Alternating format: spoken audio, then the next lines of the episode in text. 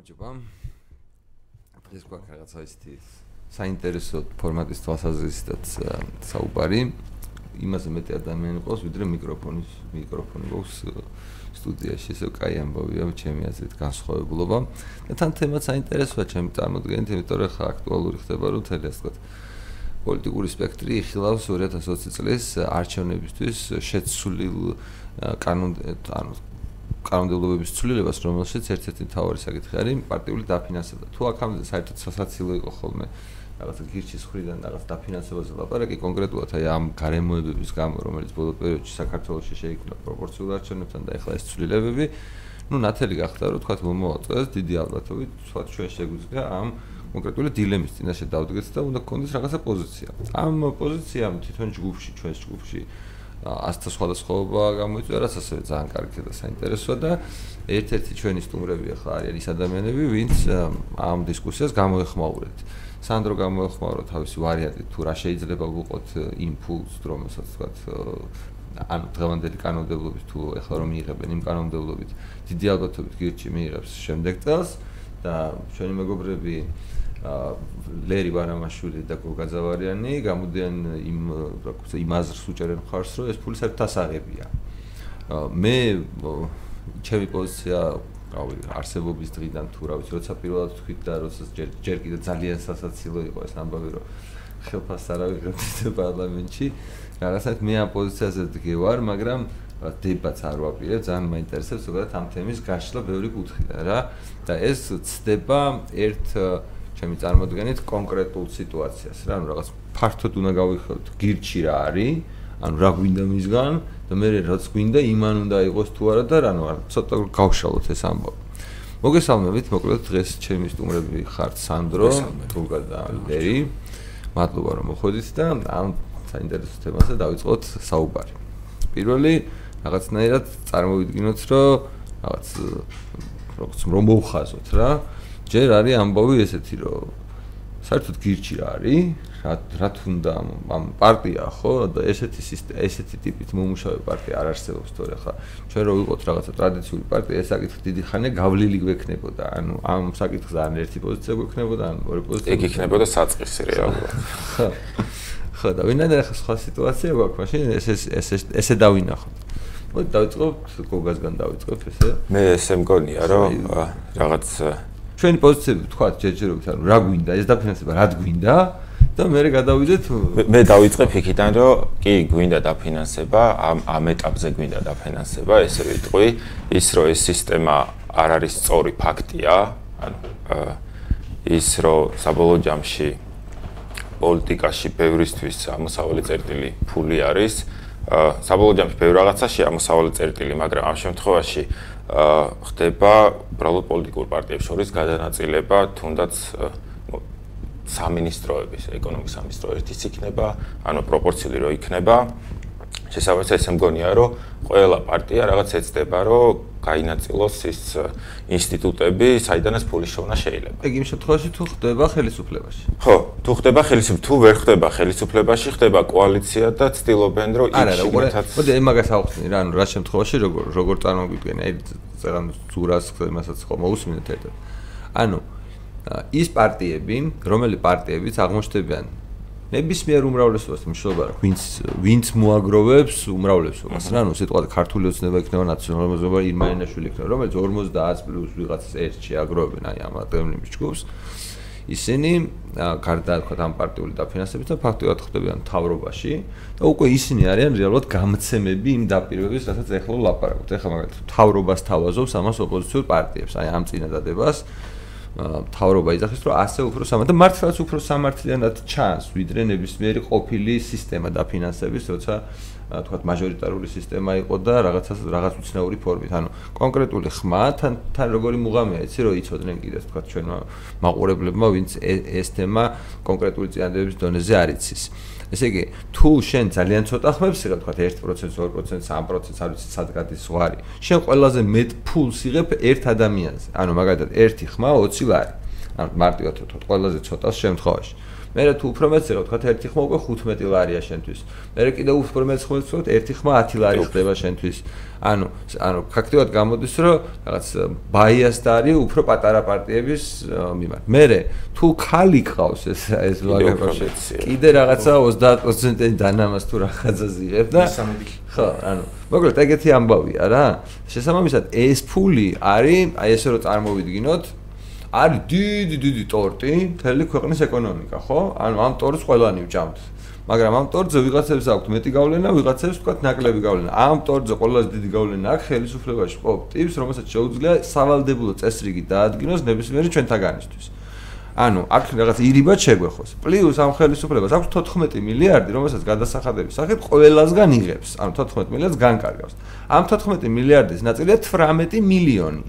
ძალიან პატარა თანხა 14 მილიარდთან შედარებით, რომელსაც თავის თავსაც უნაწილებს როგორც სახელმწიფო პარტიას და პლუს უნაწილებს ოპოზიციურ პარტიას, რომელიც იმ მომენტში არ იქნება ხელისუფლებაში. ანუ ამაზე ალაპარაკი, ანუ რომ მოუხაზოთ რა მასშტაბებზე მასე მე გვიან გიარშებ კიდე პროცენტს, რამდენი პროცენტი არის თქვა თლიანი ამ ხელმისაწვდომი ფინანსური რესურსიდან, რომელიც რომელიც პოლიტიკას გადააწყვეტს. ამით მოთაფლულები არიან და მომადლიერებულები არიან ისეთი პარტიები, რომელსაც დიდ ტორტთან პრეტენზია არ აქვს და ფაქტობრივად სახელმწიფო პარტია რაღაცნაირად გამოდის რომ ნახე რა სამართლიანი სქემა შემოგთავაზეს და ყველა პარტია საბოლოო ჯამში გამოდის რომ ბიუჯეტზე ისევეა დამოკიდებული, ანუ ჩაულებრად პარტნიორები არიან ხელფას ვიღებთ ერთი და იგივე კანტორაში რა. მე შენ ვიღაცა მივდივართ ერთ და იგივე ფანჯრიდან ვიღებთ ხელფას აი ეს არის მოკლედ სიტუაცია. ეხლა შეგიძლია აი ამ ბაზისურ ინფორმაციაზე დააშენო რაც გინდა აა მოკლედ ეს თავარი რაც არის გირჩის რაც აქამდე რაც მომიყვან აქამდე და აქამდე გისმენდით და გისმენთ ის არის რომ რაღაც წინად გრძნობა მაქვს, რომ რაღაცა კარგის გაკეთება შეიძლება. ანუ ეს არის პირველადი, ანუ იდეის გარშემო ადამიანების რაღაც ერთობლიობა არის, რომელიც რაღაცა სწორად აკეთებს. სწორად აზროვნებს, სწორად აკეთებს. შესაბამისად, ჩემი იდეა აზრი იმაში მდებარეობს, რომ რატო არ შეგვიძლია თუნდაც ის ფული, რომელიც რომც არ ავიღოთ, სადღაც სხვაგან წავა აუცილებლად. ანუ უარეს ასე ვთქვათ, სიტუაციაში მოხდება, კი გადასახადებით იქ შეიძლება წაართვეს ვიღაცას, მაგრამ საბოლოო ჯამში სადღაც მოხდება იქ ფული. ანუ ერთი არგუმენტი არის, რომ ეს ფული მაინც სადღაც უკვე წართმულია და სადღაც დაიწყება. სადღაც მაინც მოხდება იქ. აა მეორე ის არის, რატო არ შეგვიძლია ვანახოთ თუ რა შეგვიძლია მაგ ფულით. ანუ კიდე 4 წელი გვექნება, რომ აა მაგალითად ამჯერად თუ ავიღებთ, ვიტყვით, რომ აი შემდეგი წლის, ანუ შემდეგი 4 წლის დაპირება ის იქნება, რომ მსგავს სისტემას მოვაშორებთ. და ამ ფულს გამოვიყენებთ იმისთვის, რომ ზუსტად ეს, ასე ვთქვათ, დანაპირი შევასრულოთ, პირობა შევასრულოთ, რომ ეს იქნება ბოლო შემთხვევა. ამ ფულით, ანუ ეს ფული გამოვიყენოთ იმაში, რომ მეტი ფული არ ავიღოთ, სწორად გავიგე? ანუ მეტი ფული ჩვენ კი არ ავიღოთ, ზოგადად სისტემა რო შეიცვალოს. ანუ ჩვენ ხო მაგისტვის ვიბრძვით. იდეის პოპულარიზაციისთვის ალბათ მაგისტვის. ხო, კი, ანუ ჩვენ ხო მაგისტვის ვიბრძვით საბოლოო ჯამში, რომ ეს ფული არ არსებობდეს, ანუ ყველა თავისთვის იპოვო. შესაბამისად, ნებისმიერი დღესდღეობით ნებისმიერი პოლიტიკური აქტივობა არის, ასე ვთქვათ, ინვესტიცია. ანუ რამდენსაც დებ, იმდენი უკან გიბრუნდება. ზუსტად მაგიტომ არის დღეს ბიზნესა იქ, რომ ბევრი ჩადო და ნუ დაუბრუნდა უკან. იქამდეც მიშაც ბევრი ჩადო და ბევრი დაუბრუნდა. საჭიროა ფული. შესაბამისად, როცა გვაქვს უკვე რაღაც ასე ვთქვათ, ჯამი, საიდანაც შეგვიძლია ავიღოთ ეს ფული, რომელიც კი არ არის სწორი, მაგრამ ნუ სხვაგან არ წავა, გამოვიყენოთ სწორად. არ ვიცი, თუნდაც წელიწადში 3%-ზე გამოდიოდა სადღაც 1 მილიონი ლარი, კი, 4 მილიონი ლარი გამოდის, რაც საკმაოდ დიდი თანხა არის იმისთვის, რომ ბევრი საინტერესო პროექტი იყოს, ბევრი კარგი კადრი იყოს, ვინც შემდეგი 4 წლის განმავლობაში ეცდება, რომ კიდე უფრო მეტი ფული მოუტანოს გირჩს. და პლუს კიდევ უფრო მეტი ამორჩეველი მოუტანოს და ეს და ისე გავაკეთოთ რომ უკვე 2024 წლისთვის ფული და ამორჩევლები რეალურად კავშირში არ იყოს არჩევნების დროს. ანუ ეს იყოს კავშირში იქამდე, როცა შეეძლებათ თვითონ დაფინანსება უკვე, რასაც ეხლა ვაკეთებთ crowdfunding-ს, ანუ ვიღაცა ფულის სახით, ვიღაცა ინტელექტუალური რაღაც თავისი ასე ვთქვათ, მოქმედებით და ასე შემდეგ. ეს მეორე არის და აქამდეც ძალიან ბევრი რაღაცა გავაკეთეთ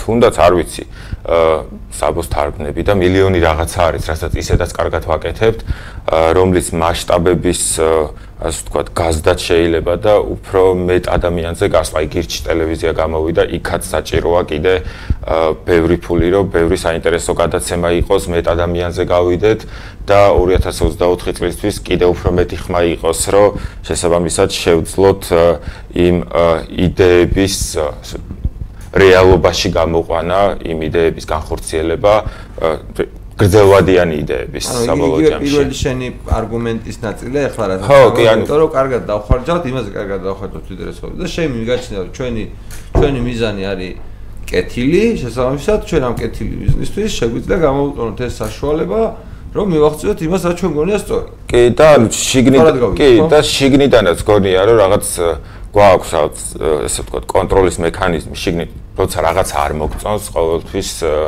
ჯგუფში გარეთ სულ ამბობთ რომ ეს რატო თქვით ეს რატო გააკეთეთ და ასე შემდეგ ანუ მაგაშიც კი თავისუფლები ვარ შესაბამისად იმ 4 წლის განმავლობაში ზურამ რაც თქვა რომ იქ მილიონრები ხდებიან და რა გარანტია გაქვთ რომ არ მივიღეთ. ხო და რო დავიკიდოთ, აი მაგალითად, აი გეტყვი, სანამ გადავაცხვა იმაზე, აზროვნებისთვის, მათ შორის სვენელმა რო იფიქროს, ანუ წარმოიდგინე რომ ერთ პინაზე დგას თქვა წელიწადში მილიონის მიღება და მეორე პინაზე დგას შენაირი ადამიანები რომლებიც კი გასაგებია რომ აი ამ წელს კიდევ უფრო მეტი სიმედი გვაქვს თქვენგან. ვიდრე თქვა ერთი წლის განმავლობაში გქონდა წინა წლის განმავლობაში მაგრამ ამ ერთ წლის განმავლობაში თქვენ მოგვეცით 77000 ეხლა წეგან ნახულობდი რამდენი მოგვეცით რა? რითვისაც რავი უზარმაზარი მადლობა კი არა რა ვიცი მე მგონი არ არსებობს პარტია რომელსაც საერთოდ ისტორიის განმავლობაში ნებაყოფლობით მიუღია საკუთარი ამორჩევლებისგან საქართველოში 80000 ლარამდე რა და მარტო თქვენ ხართ ესეთი ხალხი და მარტო ჩვენ ვართ ის ვინც ამ ფულს ვიღებთ ესე.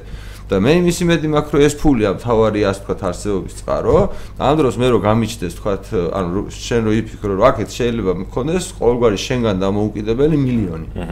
და ანუ რამდენად ვიქნები მე თქვა იმ 77 თუ 80000 თუნდაც მის გამრავლებაზე ორიენტირებული მომავალში მე თუ გარანტირებულად მეცოდინება რომ ეს ფული მაქვს. ანუ ეგ უბრალოდ რომ გავაგზავნოთ შენი არგუმენტები რას დაამატებდი გოგას არგუმენტებს? ესეთი ორი არგუმენტი მოვისმინეთ, ხა შენი რაღაც არის ლერი.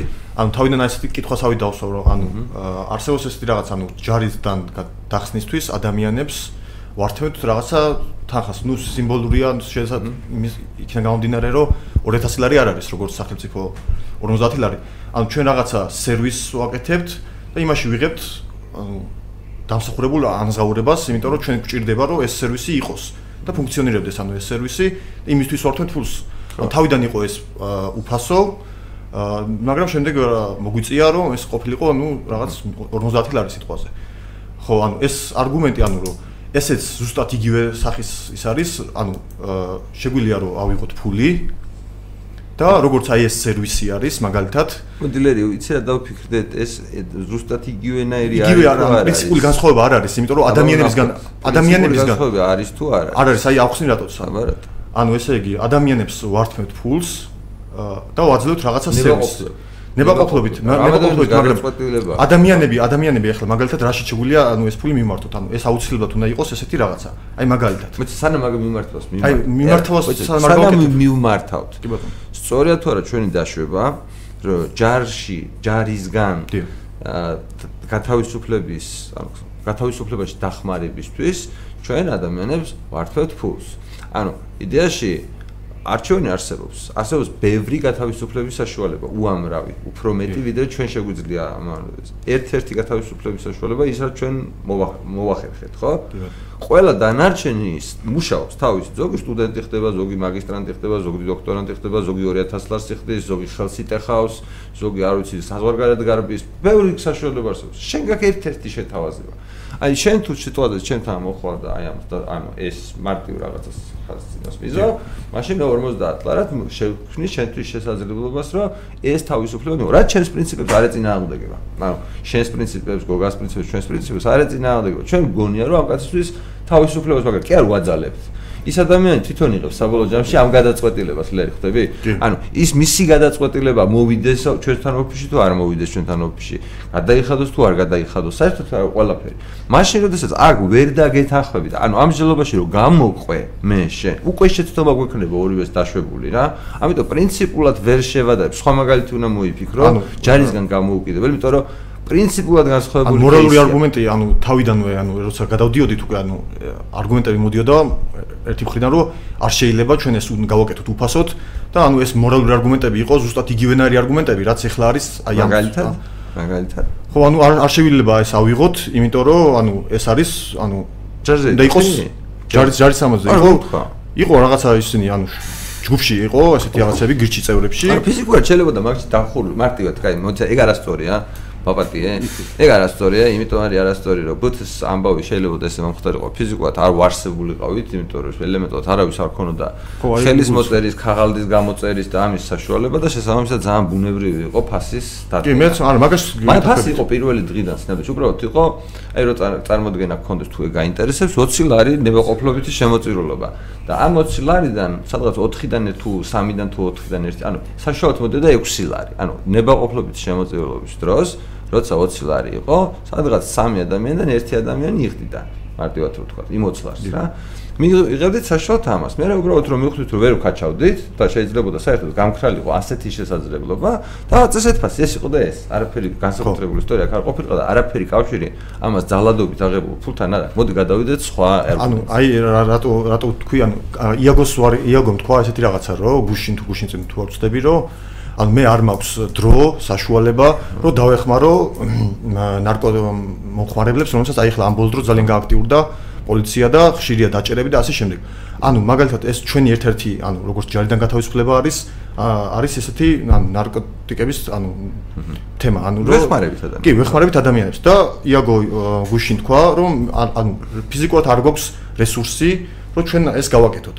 და მე ვიძახი, რომ ანუ ეს რესურსი არის თუ ჩვენ ამ თანხას ავიღებთ და ანუ კონკრეტულად ანუ მიზნობრივად დავეხმარებით უშუალოდ იმ ადამიანებს, ვისაც აი მართლა ანუ რეალური და ყისერი საფრთხე აქვთ ადამიანებს, ეხლა ხვალზე ციხეში იჭერენ, ანუ მე მე ამას არ ვიძახი რომ რაღაცა პარტიამ ფული აიღოს და რაღაცა პარტიის ხელფასებში დაიხარჯოს ან რაღაცა პარტიულ მასში სტრუქტურაში, ანუ რაღაცა საბოლოოდ ანუ იმარჯვებს იდეები. ანუ იდეები არის ეს თავისუფლების იდეა მოკლედ. ანუ აქ ნარკოტიკების თემაშიც, აქ ჯარის თემაშიც და ასე შემდეგ. და ანუ ეს რო ანუ ჩვენ რაღაცა გაურყნელები მივიდეთ და არაფერი არ იმას აქვთ, ანუ არასწორია, იმიტომ რომ ჩვენ გვაქვს იდეები და ამ იდეებში ზუსტად უნდა ჩავასხათ ასე ვთქვათ ეს ფული. ანუ აი როგორც მაგალითად იაგოს თუ არ აქვს დღეს საშუალება, ნუ იაგო არის პირობითად ანუ იმიტომ რომ იაგოს თუ არ აქვს ესე იგი ანუ სხვასაც არ აქვს აქ გირჩი და შესაბამისად არ აქვს გირჩს ამისი ფუფუნება რომ დღეს э, ვიღაცებს დაეხმარება. ვიღაცებს დაეხმარება. კი, ეგ ფაქტია, ხო.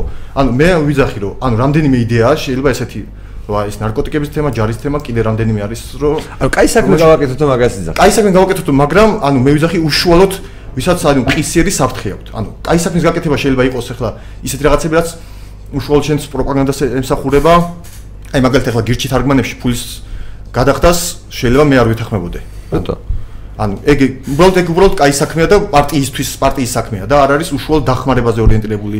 რატო მეცე ბოდიში რატო რატო გოვალება რომ ვინმეს დავეხმაროთ? არა მე ვიძახი რომ ეს არის ჩვენი იდეა. ბაზარერენ მაგრამ ანუ ხო იდეებისთვის უნდა ვიბრძოლოთ ანუ ასე. კი მაგრამ დახმარება იდეაჯებს და არა ის რომ აფულს ავიღებთ არა ავიღებთ ასე და ასე შემდეგ. ანუ კითხვა მაქვს რა ეს ყველაფერი ხო შეიძლება ნათელაშვილს ეთქვა. ანუ ეს ლოგიკა ყველა ყველა პარტია იტყვის. ჩვენ ამას ავიღებთ კარგის იგივე იგივე სიტყვის ანუ ჯარის თემა რატო დავიწყე ანუ აი მე ვარ აი ნებისმიერი პარტიის წარმომადგენელი წარმოედინე თქვენ მე ამ ფულს დახარჯებ კარგ საქმეზე. რაღაც პროპაგანდაზე კი არ დახარჯე უშუალოდ დაეხმარები მუშებს რომელიც დაჩაგრული ყავთ კაპიტალისტებს. უშუალოდ დაეხმარები ღარიბებს. უშუალოდ ყისერი საფრთხე აქვს რაღაცისგან. იგივე სიტყვე ნებისმიერი პარტიის წევრი იგივე სიტყვის და რითი განსხვავდებით მაშინ ანუ ესე დიდი ანუ სხვაობა და ის სხვაობა ეს სხვაობას თქვენ რო ეს უფრო მოგწონთ რაღაც რაღაცები ეს ხარებს დანიშნავს თავისთავად. ხო რაღაცნაირად ის სხვაობა და გამჭირვალეობა ჩვენ შეგვიძლია დავანახოთ და ისედაც ანუ ეს უკვე ამორჩელის გასაწყვეტია რასაც ჩვენ მეკითხები რამდენად დაინახავს იმაში სიმართლეს კი რისკი რისკი ამაში არის ჩვენ თუ გვინდა ვიყოთ სხვანაირი პარტია, უნდა ვიყოთ სხვანაირი პარტია. თუ იგივე პრინციპებით ვიცით, სხვანაირი კი არ უნდა ვიყოთ, კარგი უნდა ვიყოთ. ანუ ეგ არის მნიშვნელოვანი. კარგი უნდა ვიყოთ. აი მოდი, მოდი ახლა ეს მოდი, მოდი, ახლა მე მინდა რომ სანდრომას თავისი პოზიცია თქვა. განსხვავებულები კი კი არ უნდა ვიყოთ სხვებისგან. ჯერ სანდროს ტურები და კარგები უნდა ვიყოთ. ლერი რომ მორჩება, მიცეთ სანდროს საშუალება, მე გავაგრძელოთ საუბარი რა.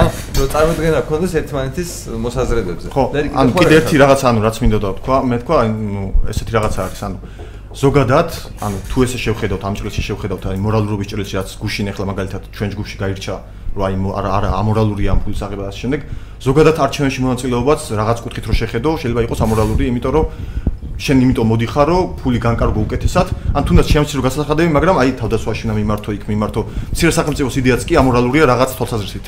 თუ ანარქისტულად შეხედავ ან რაღაც სხვა სხვა სხვა პრიზმაში შეხედავთ ამ გადაწყვეტილებას ანუ სრულფასოვანი მორალურობის არგჯერა ხო ანუ არ არსებობს ეს მორალი და ასე რომ ზღვარს სადავაწესეთ უბრალოდ ეს არის ჩვენს დამოკიდებული ზღვარი სად გადის ამიტომ ორ შეკრებილები ზღვრები ეგ ზღვარი ჩემი აზრით უნდა გადიოდეს აი ჩვენ ზუსტად იმ თავარ პრინციპზე თავისუფლებაზე და როცა ადამიანებს ექვედებათ ყისიერი საფრთხე თავისუფლების შეზღუდვის ჯარის თემაც ნარკოტიკების თემაც ჩვენ აუცილებლად უნდა ავიღოთ ეს ფული აი ამ მიზნისთვის და არა რაღაცა პროპაგანდისტვის საბი ხელფასებისთვის და ასე შემდეგ. აი, მივალთ ბაქამდე. ოკეი, მადლობა. სანდრო, შენ რას ფიქრობ? ხო, არა, მე კატეგორიულად წინამდები ვარ, რომ ფული ავიღოთ და დავხარჯოთ კარგ საქმეებს, იმიტომ რომ წარქმული ფული ყველანი წარქმული ფულია და ეხა პენსიაზე დახარჯავ, ღარიბს მისცემ, გზას ააშენებ, ფინანსთა მინისტრის უყიდი მახალ მანქანას თუ რა ვიცი, ადვოკატს გადაუხდი ფულს რომ ვიღაც ციხეში არ ჩაჯდეს. ჩემ გასახედან ყველა ყველა ერთნაირად სუდი რაღაც არის. აა მეორე ზოგადად რაც მაგალითად ეკლესიის პრობლემაა ხო ეკლესია როგორც კი გაერთიანდა თავრო სახელმწიფოსთან ის დამოკიდებულია მართლისგან და არა მრევლისგან. და ამიტომ ის ის კარგავს თავის თავარ ფასეულობას მორალურ ავტორიტეტს იმიტომ რომ არ არის საჭირო იყოს მორალური ავტორიტეტი ამ ხალხისთვის ისეაც ცხოვრობს ჩვენივრად და ამიტომ არის რომ მე ზოგადად მირჩევნია ის საზოგადოება სადაც ძლიერი ეკლესია ძლიერი ეკლესია იმ გაგებით რომ ეს ეს მორალური ავტორიტეტი და დამოუკიდებელი სახელმწიფოსგან და მრევლი თვითონ ფულს უხდის. გდელი იქნება ის თუ ეკლესია იქნება იმიტომ რომ ყველას სჭირდება ეს მორალური ავტორიტეტები. რაღაც პრობლემა შეექნება კარგია რომ გვერდზე ყავდეს ადამიანი ვინც კარგ რჩევას მოგცემს და ასე შემდეგ. და ეს რაც ძალიან ბუნებრივი ნაწილია ჩვენი ცხოვრების. და ამიტომ აა იგივე ხდება პარტიას. ჩვენ თუ დამოკიდებული ვართ ბიუჯეტისგან არანაირი არანაირი მექანიზმი არ არსებობს როგორ არ შეიძლება დავიცვათ გარკვეულობისგან ჩვენი თავი. ანუ იმ გაგებით რომ აი ეს რაღაც რო ვთქვათ, რომ ჩვენ კარგ საქმეს ვაკეთებთ. ნუ კარგ საქმე რა იქნება? ეხლა პირობითად იაგო თუ უნდა წავიდეს ვიღაც დაიცვას და უნდა თქვას უარი სხვა საქმეზე, ალბათ ხელფასი უნდა გადაუხადოთ. ნუ იქ მე ცოტა მეტი ხელფასი გადაუხადოთ, მე გვახოს გადაუხდით, იქ მე ვიტყვი რომ მეც რამე კარგს გაიკეთებთ, ეხლა ჩვენი ეს ვიღაცას თავისუფლებისგან თავი მე თავისუფლებას მივანიჭებ და ფული გადამიხადეთ და ასე შემდეგ და საბუნებაში კარგად დავждდებით ამ თემაზე და არაფერ არ არ გაგვაჩერებს.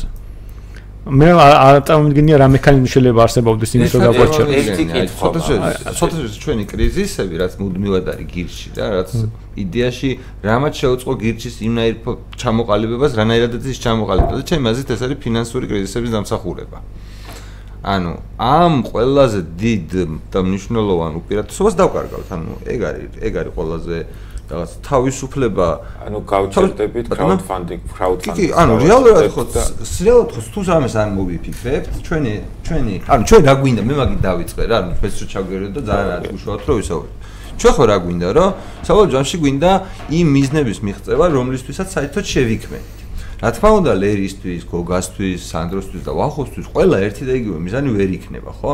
ამიტომ ჩვენ მოგვიწია რაღაცნაირი იერარქიზაცია. ანუ მაგალითად ხო აკვირდებით თუ ჩვენს ჯგუფებში ძალიან ხშირად მეც ისეთ თემებზე საუბარი, რომელსაც რომელშიც ძალიან სერიოზულად არ ერევით, თქვა აბორტი იქნება ეს თუ რაღაცა უცნაური თემები, რაღაცა ცხოველების წამება თუ რაღაცა ძალიან ბევრი თემა გვაინტერესებს, უ ბევრ ადამიანს აინტერესებს, მაგრამ აი ესე უშუალოდ რომ ამ თემებზე ჩამოვყალიბდეთ, მაგალითად ჯეჯერობით არ არის ესე საუბარი, ხო? რამოდენიმე რამეზე ჩამოვყალიბდა გირჩი. გირჩისთვის რამოდენიმე რამე გახდა იერარქიაში ყველაზე მნიშვნელოვანი. ეს რაღაცა რაღაცა არის. ა განათლების თემა რომ ბავშვების თავისუფლება, ანუ მშობლებს კონდეთ რომ მომავალი გქონდეს თავისუფალი. აი ძალიან გენერალიზაცია რო გავაკეთოთ რა. რა გვინდა?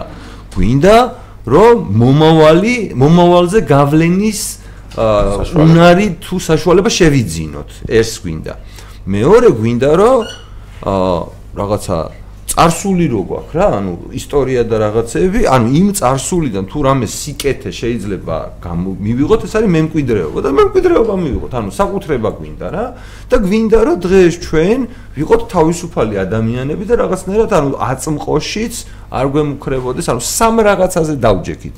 დავჯექით მომავალზე, ანუ განათლებაზე, დაავჯექით აწყოზე, ანუ პიროვნულ თავისუფლებებზე, რომ ეხლა სიტყვის თავისუფლება არავინ არ შეგვიზღუდოს, რომ შანსი არ გაგვიქრეს, რომ რამეები შევცვალოთ და დავრჩეთ ის საკუთრებაზე, რომელიც არის ჩვენი მემკვიდრეობა. ანუ ჩვენ თუ ჩვენ მშობლებზე, მართლა წინაპრებზე უარს არ ვიძახით, ეს ჩვენია. ანუ ეხლა სიტყვის თავისუფლება ერთადერთი რაც დამოუკიდებელმა საქართველოს ჩვენ მოგვიტანა იყო სიტყვის თავისუფლება და ამას ვეჭიდებით რა რომ ეხლა ეს არ წაგვართოთ თუ ამას თუ წავართმევენ მე ვერაფერს ვერ მოვიპოვებ საერთოდ და გვინდა განათლება. ანუ აი ამ სამზე ვართ შეთანხმებულები ის ადამიანები, რომლებიც აქ დავბოდიალობთ რა. ძალიან ბევრ გირჩის ხარდამჭერ შეიძლება უამრავი რამე უნდა და გონია რომ გირჩისთვის ესეც კარგი საქმეა, ისიც კარგი საქმეა, რაღაცებია კარგი საქმე, მაგრამ ამაზე არა ვარ შეთანხმებული. მე პირადად არა ვარ შეთანხმებული. წარმოგიდგენ არა, ვის უნდა შეუთანხმო ის წარვით ჯერჯერობით. სანამ იქ არ შეიქმნება სიტუაცია, რომ მეცოდინება რომ ლერი არის წარმომადგენელი არ ვიცი ერთი 30 კაცის და ლერი მოდის 30 კაცის სახელი ჩვენთან სალაპარაკოთ და პახვედუ ლერის მე უკვე რაღაცა ისტორია გვაქვს როცა ლაპარაკობთ ერთ ჭკუაზე ვარ ბევრ საკითხებზე და მე ლერისგან მაინტერესებს მივიღო ისეთ რაღაცაზე მისი ნაფიქრი რომელზეც მე ჯერ კარგად არ მაქვს ნაფიქრი და დამეხმარება ეს ადამიანი თავისი განსხვავებული მოსაზრებით ხვდები? თორე ის კი არა რომ მე ვიღაცისგან მართლა რაღაცა ან დახმარება მინდა ესეთი უშუალო ამ პირიქით მინდა რომ ვიღაცას ვეკამა. თუ არა ყველასგან მინდა დახმარება. ოღონდ პრობლემა რაში მდგომარეობს? არ ვიცოდით აქამდე როგორ შეგვერჩია ეს ადამიანები. ამისთვის დავიწყეთ ჩვენ სისტემის შექმნა, რომ წარმოვიდგინოთ, რომ ვინ არის ის ადამიანი, ანუ ფაქტობრივად იერარქიებს ქმნით რა, იერარქიების შექმნა არის ჩვენი ამოცანა. კომპეტენციების იერარქიების, ანუ კომპეტენციების იერარქიები უნდა ჩამოყალიბდეს, რომ ჩვენს გარშემო გამოჩნდნენ ახალი ადამიანები. ამ ახალმა ადამიანებმა შეიძლება ისეთ რამეს მიაქციონ ყურადღება, რომელიც ჩემთვის დღეს არ არის მნიშვნელოვანი. ან ვერ ვიაზრებ ამ იმ მნიშვნელობას, რომელიც სხვა, რომელსაც სხვა ადამიანები აძლევენ. მე იმ სამიდანაც კი ყველაზე მეტად სიტყვაზე განათლებისკენ მიმიწევს გული რა. ანუ ის არის უფრო ჩემთვის მნიშვნელოვანი, ვიდრე არ ვიცი, რაღაც ასაკუთრების დაბრუნება. მაგრამ ნახე როგორი მექანიზმი შეიქმნა. თვითონ ჩვენ გამოდის, რომ ერთადერთი აა ინფორმაცია, როგორც ბაზარს აქვს ბუღალტერიის საშუალებით, ბაზარზე კომპანიას აქვს ბუღალტერიის საშუალებით მიიღოს ფიდბექის საშუალება, როგორ მოიქცა და იმას რო ნახავს ბალანს, მიხვდება რომ თუდად მოიქცა თუ კარგად მოიქცა და ასე უნდა გააგრძელოს თუ რაღაცა უნდა შეცვალოს, მაგნაირი საშუალება გახდით თქვენ. ანუ სინამდვილეში ჩვენ თუ კარგად მოიქცევით, თქვენგან ვიღებთ იმ ფიდბექს, რომ კარგად მოიქცეთ. თუ ჩვენ არ მოიქცევით კარგად, ისა თქვენგან მივიღებთ ფიდბექს, რომ დაგუჟით. ანუ რაღაცა რაღაცნაირად თქვენ გაქვთ ის საშუალება რომ დაგსაჯოთ რა. ანუ წვრილ ტიპებს, ვიღაცა ერთ ტიპს კი არა, რომელსაც შეუძლია როცა ხუშტურის გამო რაღაცა გადაკეტოს ან გადმოკეტოს გირჩისთვის დაფინანსება. არამედ ათასობით ადამიანს, რომელიც რომლისაც რომლის კონტროლი ცენტრალიზებული არის ძალიან რთული რა. მაგრამ სამაგიეროდ ეს უამრავი ადამიანი ჩვენთვის არის როგორც ბაზარზე კომპანიისთვის ფიდბექი, როგორ მოვიქეცით. ეხლა წარმოიდგინე, ამ სიტუაციაში, რა ვიცი, აი ამ სიტუაციაში შემოუშვათ ისეთი მნიშვნელოვანი ასე თქვა, აი როგორც ქირურგი, მე ქირურგი ვიყავი როდესაც და ეგეთ რაღაცას გვასწავლიდნენ რა. როცა ადამიანს მუცელი ტკივა, ტკივილ გამოყუჩებელი არ მიცეო რა. იმიტომ რომ შეიძლება ის საოპერაციო გახდეს და ვერ მიხვდე და მოკვდეს, იმიტომ რომ სიმპტომები წაშალოს. აი ზუსტად ესეთი სიმპტომების წაშლის ეფექტი შეიძლება კონდეს ჩვენთვის ისეთი შემოსავლის გაჩენას, რომელიც არ იქნება ჩვენს სისტემაზე დამოკიდებული. მაშინ კითხვა იმაში მდგომარეობს, რომ ჩვენ როგორღა უნდა მოვიქცეთ? ანუ ჩვენ როგორღა უნდა მივხვდეთ მომავალში, როდის ავართ სწორი და როდის არასწორი? ანუ თქვენი გადმოსახედიდან, ანუ პარტნიორების გადმოსახედიდან როდის ვართ სწორი და როდის არასწორი? ხო, მართლა NGO-შნიკები, იმის სტატისტიკის კვლევას ხო არ დავიწყებთ, ხო? თქვენ თუ გეც ვინმეს თუ ეცოდინება, რომ გიჩ პრობლემა არ აქვს. ის ხალხი რომც კმაყოფილი იყოს. ისე ხო აღარ შეწუხდება გირჩის დაფინანსებით რომ თვითონ რაღაცა არ ვიცი ერთხელ ყავა არ დალიოს ერთხელ სადღაც არ წავიდეს რაღაცა არ ქნას რომ ეს ესე ანუ თქვენცაც ხო სიამოვნების ამბავი თქვენცაც ხო თამაშია. თქვენ ხო ამ თამაშს ვეღარ ითამაშებთ რეალურად. თქვენ ხო დაკარგავთ ამ თამაშის თამაშის მართლა შინაარს წინააღმდეგ რომ მაშინ თქვენ უნდა გინდოდეთ რომ აქ იყოთ და თქვენ მართავდეთ იმპულს კონკრეტულად, ხდები? თორე აი წარმოიდგინეთ თუ მართლა ვახომეგრელიშვილმა რაღაცა უნდა გააკეთოს ამ ფულით, რომელიც შენ უნდა მიგეცა. ხო გირჩენია რომ ვიღაცა მიცეს ვახომეგრელიშვილს ეს ფულის თუ ის გაკეთდება რა შენ გინდა. მაგრამ მე თუ არ მოგეწონა მე რა ხდება? ანუ საბოლოო ჯამში ხო ხო ანუ ჩემი პოზიცია ეგრე შევეცადე რომ წარმომედგინა თქვენთვის რა იმიტომ რომ ჩემთვის ახლა ამოცანა რომ გავაკეთოთ პარტია რომელი პარტიაც იქნება სუფთად თქვენზე დამოკიდებული აი ეგეც რო აგიხსნათ შეიძლება ძალიან საინტერესო იყოს. ეს იდეა ჩვენი არ არის ეს თქვენი იდეა.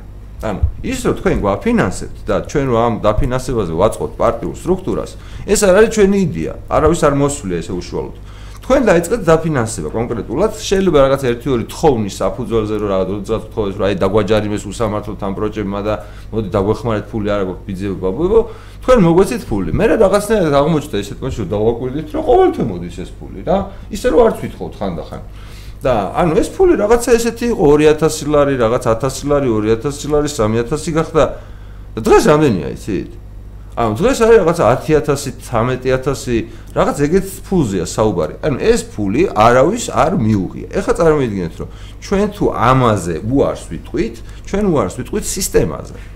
აზრს დაკარგავს ეს სისტემა, რომელსაც ახლა ნუ შეიძლება ჯერ კიდე არ არის კარგად გაშენებული რაღაცა პარტიული სიის ფორმირების ამბავი, მაგრამ კეთდება, ხო? ანუ ბიჭები აკეთებენ, როცა იქნება გაკეთდება, როცა იქნება გასაგები იქნება. ანუ ჩვენ თუ 1000%-ით გავზარდეთ უკვე თქვა, რა ვიცი, წელიწად ნახევარში თქვა დაფინანსება. შემდეგი ერთი წლის განმავლობაში 500%-ითაც რო გავზარდოთ, გიჩს ხო საერთოდ არანაირი ეგზისტენციალური პრობლემები აღარ ეაქნება საერთოდ. მარტო თქვენზე იქნება დამოკიდებული. ანუ იმის ნახევრის ნახევარი გზა რო გავიაროთ, რაც უკვე გავლილი გვაქვს პროცენტებში. ანუ საერთოდ პრობლემა აღარ იარსებს როგორც ასეთი. ხვდებით? და ამ ამ ამისთვის ხელი შეშლა, ჩემთვის ყველაზე დიდი რაღაცა თორე, ნუ იდეაში რა ვი, ხა მე კი წერან ზურასთან ლაპარაკობდი რა, რომ მეც კი მაქვს რაღაცა ისეთი სისუსტე, მაგალითად ვიღაცამ რომ მითხას, აი სკოლას გაგაკეთებინებ ამ ფულით, შეიძლება ხელი მოუკიდო რა. ოღონდ ეს ვიცი რომ ჩემი სისუსტე ეს კი არა რომ სწორია. ანუ აი ერთ ერთ კითხოს დაგისვათ. ასეთი ბევრჯერ ახლა ზურასაც უთქვია, იაგოსაც უთქვია, ვაი თუნდაც აი ბიზნესგან რო ავიღოთ ფული მოჟინაო ჩვენს საქმეში არ ჩაერიოსო რა. ანუ ესეთი რაღაცა ანუ რა რა პრინციპული განსხვავება იქნება? ახლა ვიღაც მილიონერი რომ მოვიდეს. აი აგიხსნი რომ მილიონერი მოვიდეს ახლა და მოხცეთ ზუსტად იგივე თანხა მილიონი 4 მილიონს გაძლევთ. 4 მილიონს გაძლევთ ეხლავე. ვიღაც მილიონერი დაინტერესდა ამ საქმით ნუ ანუ თუნდაც იდეა დაინტერესდა არ აქვს მნიშვნელობა. ანუ არანაირი საჭიროება აღარ არის რომ პარტნიორები თუნდაც ამ შემთხვევაში ჩაერივნონ კი ბატონო აგიხსნი აი რა განსხვავება აი წარმოედგინე ჩვენ როდესაც ვიყავით იმ სიტუაციაში, როდესაც კაცმა არ იცოდა ფულს ვერც გეტყოდით, საიდან მოდიოდა, იმიტომ რომ რაღაც შემთხვევაში ჩვენც არ ვიცით, თუნდაც მეგობარი მოდიოდა ვიღაც, ის მოდიოდა ვიღაც, რაღაც. მოკლედ. მაგ სიტუაციაში თქვენ ხო ფულს არ გთხოვდით. ხო არ გვითხოვი არასოდეს, წლების ორი წელი მინიმუმ დასაწყისში კაცი კი ფული არ გვითხოვე, ფული მოგვეწითო. ანუ იყო სიტუაცია, როდესაც კი ჩვენ შეიძლება გვენდოთ ან არ გვენდოთ, ანუ მე იგივეს ვაკეთებდი, მე რო თქვა რომ მე იგივეს ვაკეთებდი 4 წლის წინ, ასაც ვაკეთებ ახლა. მე იგივეს ვაკეთებდი 3 წლის წინ, ასაც ვაკეთებ ახლა. მაგრამ იმ დროს ვერაფერს ვერ აგიხსნით რა, რას ვაკეთებდი კონკრეტულად, იმიტომ რომ ვერ ვასახელებ, არ ვიცი, საიდან მოდი, რაღაცა ვიცი, რაღაცა არ ვიცი, ანუ რაღაცა ნახევრად ვიცი. იაგოს ბლოგის ალბათ წაიკითხეთ და ესეთი რაღაცა. ანუ ეხლა შეიძლება ესეთი ადამიანი გამოჩნდეს. გამოჩნდეს და ეს რისკია, ჩემი აზრით. ანუ ეს რისკია კომიუნიტისთვის, ანუ ჩვენი საზოგადოებისთვის ესეთი რამები რისკი. ამ რისკზე მიდიხართ იმდენად, როდესაც ჩვენ გვიცნობთ 4 წლის განმავლობაში. თქვენ რო ჩვენ 4 წლის განმავლობაში არ გვიცნობდეთ ფიზიკურად და ჩვენ ეს კრედიბილურობა რაღაცა რაც დავაგროვეთ, ვერ დაგვეგროვებინა ამ პერიოდის განმავლობაში და თქვენ გწოდნოდათ რომ ვიღაცა კეზერაშვილი არსებობს, ვიღაცა ბიძინეივანიშვილი არსებობს, ვიღაცები არსებობენ ფულიანი ტიპები, ამეთ რომელთანაც ამათ არ უწყდებათ რა ვიცი ურთიერთობა იღებ. ეხლა რომ მომცეს მე ბიზნესმა, მაშინ არანაირი პრობლემა არ აქვს. ისე როგორც ნებისმიერმა ვიღაცა რომ მომცეს ამ პირობით რა პირობითაც ვიძახი. მაგრამ მე იმას ვიძახი რომ მე თვითონ არ მჯერა ამ ფულის. ანუ მე თვითონ მირჩევნია სხვა ფული, სხვა წესით მოგროვილი ვიდრე ეს ფული. ანუ საბოლოო ჯამში ჩვენ ჩვენ თუ დიდი პარტია ვიჩითებით, ანუ სერიოზული პარტია თუ რა თქმა უნდა იქ იქნებიან მართლა მდიდარი ადამიანები, რომლებსაც ექნებათ პირადი პოლიტიკური ინტერესები. ეს თუ ჩვენ არ ავიტანეთ როგორც დიდმა საზოგადოებამ ეს ადამიანები ხო ისეც არსებობენ პოლიტიკური ინტერესებით და ზოგ ხან ერთ პარტიაში ყიდულობენ ადგილს ხან მეორე პარტიაში ხან მესამე პარტიაში. ხო ასეა. ამ ხო ვიცოდეთ ეგ ამბავი შიგნით რა გვაქვს ესეთი. მაგალითად ვიღაცა რომ მოვიდეს და თქვას რომ თქვათ ერთი ადამიანის გაყვანა არის პარლამენტში გირჩ სიტყვაზე ვიძახ თქვათ უჯდება 100000 რა ანუ ესე გვიჯდება თქვათ. და იძახის რომ მე 200000 დავდებ. ეს კარგია ჩვენთვის თუ ცუდია? მე მგონი კარგია, იმიტომ რომ ერთი მეორე 100000-ით ვიღაცა ადამიანი შეიძლება შევიყვანოთ. ამ ადამიანმა თუ რამე სისულელე ჩაიდინა, ჩვენ შეგვიძლია შიდა რეგულაციით ეს ამბავი დავაზღვიოთ, მაგრამ ამ ადამიანმა თუ ერთი დამატებითი ადამიანის ფული გადაიხადა, რომელიც კიდევ ერთი დამატებით ჩვენს მიერ არჩეულ გირჩის წევრ სადღაც შეიყვანს, მამეთ მოსულა რა. გვეცოდინება რომ კაცმა ფული გადაიხადა. რატო პრობლემა? ანუ მაგაში პრობლემას ვერ ხედავ. მოგეთ ბოდი შინდენი ვილაპარაკე რომ მგონი მე ვარ თქვენი სტუმარი.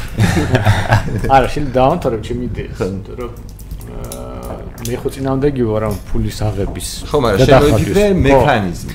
მაგრამ მე მგონია რომ უკეთესია თუ ამ ფულს რომელიც ისეაც ავიღებთ, რაღაც ტექნიკურად რო გადავხედოთ, სადაც ჩაირიცხება ეს ფული, რაღაც მაგალითად პირობითად შენ რო შეხვიდე პარლამენტში, პარლამენტის წევრი ხარ, იქ რაც ანგარიში გეხედა სახელმწიფო და სანა რაც არ უნდა იყოს, ხო? ანგარიში და იქ მოგვიწევს რაღაც გაკეთება ეს ტექნიკური ოპერაციის. ან უნდა უარი ვთქვა და დავაბრუნოთ ფინანსის სამინისტროს, ან რაღაცაზე დავხარჯოთ. ხო და ეს რაღაცა დავხარჯოთ შეიძლება იყოს მაგალითად დაუბრუნოთ ჩვენ პარტნიორებს. პროპორციულად შეიძლება სხვადასხვა თუ მაინდამაინც პარტნიორები არ გვინდა ყველა ადამი ყველა მოქალაქეს დაუბრუნოთ. როგორც ვინდა, დაუბრუნოთ, იმიტომ რომ ჯედების კაპიტალიზაციაში ხوار შევიტანოთ. აი ეს უკვე დეტალებია, როგორ როგორ დაუბრუნოთ. ამაზე შეიძლება ვიმსჯელოთ, მაგრამ მთელი არსი იმაშია, რომ ანუ არ უნდა ავიღოთ ბოდიში, არ უნდა ავიღოთ, მაგრამ თუ რამე პარტნიორებს დაუბრუნოთ. მაინც იგივე სისტემაში ვარ, თუ პარტნიორი გადაწყვეტს რომ ამ ფულს გადაურიცხებ, დაუბრუნებ გირს, დაუბრუნოს, მაგრამ ეს ნებაყოფლობითი იქნება. და მე ამჯერად ყველა დაგვიბრუნებს ფულს. ამჯერად ნახევარი დაგვიბრუნდება. სამდულეში დარწმუნებული რომ ბევრი თუ ვიღაცა ნიშნული თანხა იქნება, რაღაც ფულს დახარჯოს, ან ბუნებრივი რაღაც არის მე მგონი. მაგრამ თავარი აქ ის არის რომ ის პრობლემა რომ ჩვენ შემოწირულობაზე ვარ დამოკიდებული, პრობლემა კი არა ის კარგი დადებითი ეფექტი რაც ამას მოყვება, ასად არ გაქრება. მაგრამ მეორე მხრივ ჩვენ ავიღეთ ეს ფული, რომელიც ბიუჯეტშია, რომელიც წარქმეული ფულია და დაუბრუნდეთ ხალხს. ეხლა ანალოგია რო იყოს, შეიძლება ისე პარლამენტში იყო და აქციზების გაუქმება დადგეს. ან დავუშვათ რომ ისეთი პოლიტიკური კონსენსუსი შედგა რომ შევთანხმდით რომ სიგარეტის აქციზი უნდა გავაუქმოთ. და ფინანსთა მინისტრმა ამ მომენტში თქვა რომ არა მარტო ამაზე თანახმავა რომ აი ხარ 7 თვე გავიდაო და რას ფული შემოვიდა უკან დავაბრუნებთ. ხო კარგი იდეა. ჩვენ ხო დაუჭერთ ხას რომ ეს ფული რაც ბიუჯეტში შემოვიდა დავაბრუნოთ უკან. ხალხს. ახალი გადასახადი არ აუკრიფოთ რა ხალხს დავაბრუნოთ წინ და უკან რატო ვატერალოთ ეს ფული. აა ნუ შეიძლება როგორ აი ხო ამას ეს ფული შეიძლება როგორ როგორ დაუბრუნოთ შეიძლება არ გამოვართოთ რაღაც სხვა გადასახადი. ან დაურიგოთ ხო რაღაც სხვა სხვა მექანიზმი. მაგრამ ხო არსებობს ხო არსებობს არც ერთი სამართლიანი გზა. აი კაცად რომ მიუდგეთ სამართლიანობას მაგალითად ვიღაცას ეგ არის ეწევა ბევრს და ალბათ ბევრი უნდა დაუბრუნოთ ან თანაბრად უნდა დაუბრუნოთ მაგას ვერიზავ ტექნიკურად ხო არ არ ვიცით უბრალოდ ხო? ამიტომ ერთი მხრივ ჩვენ გვინდა რომ ფული დაუბრუნოთ ხალხს ეს არის ყველაზე კარგი გამოსავალი. ჩვენი ჩემი განსახედიდან მაგალითად მაგრამ არსებობს არც ერთი სამართლიანი გზა როგორ გავაკეთოთ ეს. ამიტომ რაც არ უნდა ავირჩიოთ საბუთში რაღაცნაირად არაიდეალური იქნება. თუმცა ზოგადი პრინციპი რომ ამ ბიუჯეტ ეს ბიუჯეტ შევამცირეთ რაღაცნაირად შევამცირეთ და უფრო ნაკლები ფული წავართვით ხალხს მიღწეული. ჩვენ რო ეს გავაკეთოთ რამდენჯერმე. მე ნავთობზე აქციზი შევამციროთ ან გავაუქმოთ, მე დღეგე გავაუქმოთ და ასე გავაკეთოთ ყოველ წელს მაგალითად 4 გადასახადი შევამციროთ 4 წელიწადში, ხო ბედნიერება იქნება, ხო რაღაცნაირად. ჩვენი განსხვავება, ჩემი ეს თუმცა შვენიერი შედეგი. აჰა მაგრამ ყველა ამ შემთხვევაში რაღაც არასამართლიანი გადანაწილება მოხდება, იმიტომ რომ ხო ვიღაცას მეც წავართმევთ, ვიღაცას ნაკლებს წავართმევთ საბოლოოში ამ სისტემით, ვიღაცას დაუბრუნებთ მეც მივეთ ნაკლებს, მაგრამ ოკეი, ზოგადად კარგი შედეგია. იქაც იგივეა, ჩვენ ვიღებთ არსებულ წესებს, იდიოტურ წესებს, მე არ არ ვხდები იმას, რომ უნდა არსებობდეს სახელმწიფო დაფინანსება.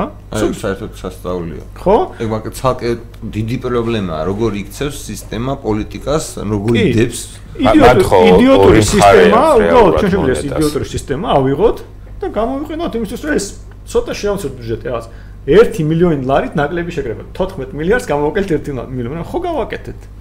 თან რაც თავარია აა რაც ნაირად საბუტაჟი გამოდის. შედეგი რა რა ანუ ხო მესმის ანუ აი მანდ ესეთი პრობლემა ხო არ იქნება რატო მაგალითად ჩვენს პარტნიორებს დავუბრუნეთ თუ ანუ მოკლედ აი თემა არის რომ ჩვენ რახან ეს ტექნიკურად ეს ფული მოგვივა რას ვუშვებით ხო და აი ამის ქნის ყველაზე სამართლიანი გზა რა არის? დაბრუნების ყველაზე სამართლიანი გზა რა არის კი, ეს იგივე პრობლემაა. არ არსებობს არც ერთი სამართლიანი დაბრუნების გზა. კი. აი როგორც საკუთრებაზე გვაქვს, ხო, ან მაგალითად საკუთრება აღარ გვახსოვს, ვის წაართვეს, შესაბამისად არ ვიცით, ვის როგორ უნდა დაუბრუნო მემკვიდრეობის მიხედვით, ანუ ფიზიკურად შეუძლებელია მაგის დაბრუნება და ყველაზე სამართლიანად გვეჩვენება, რომ ყველას თანაბრად დავუბრუნოთ რა, ანუ ვინც არსებობს ცოცხალი, ყველამ დაიბრუნოს თანაბრად. მაგალითად, ამიტომ შეიძლება პარტნიორებს არ დავუბრუნოთ, დავუბრუნოთ ყველა მოქალაქეს, მაგრამ მე შეიძლება ტექნიკური პრობლემა იყოს, იყოს ანგარი შეიძლება არ კონდეს. არა, მაგრამ უბრალოდ გამოდის, რომ ყველას უნდა დაუ მილიონი რო აიღო, უნდა გავუბრუნო 33 თეთრი საათს, 30 თეთრი. ან ვინც გადასახადები გადაიხადა, მაგრამ ჩვენ შეიძლება არ ვიცოდეთ ზუსტად. არ არის უკეთესი ეს 4 მილიონი ლარი ავიღოთ იმ 4 წლის განმავლობაში და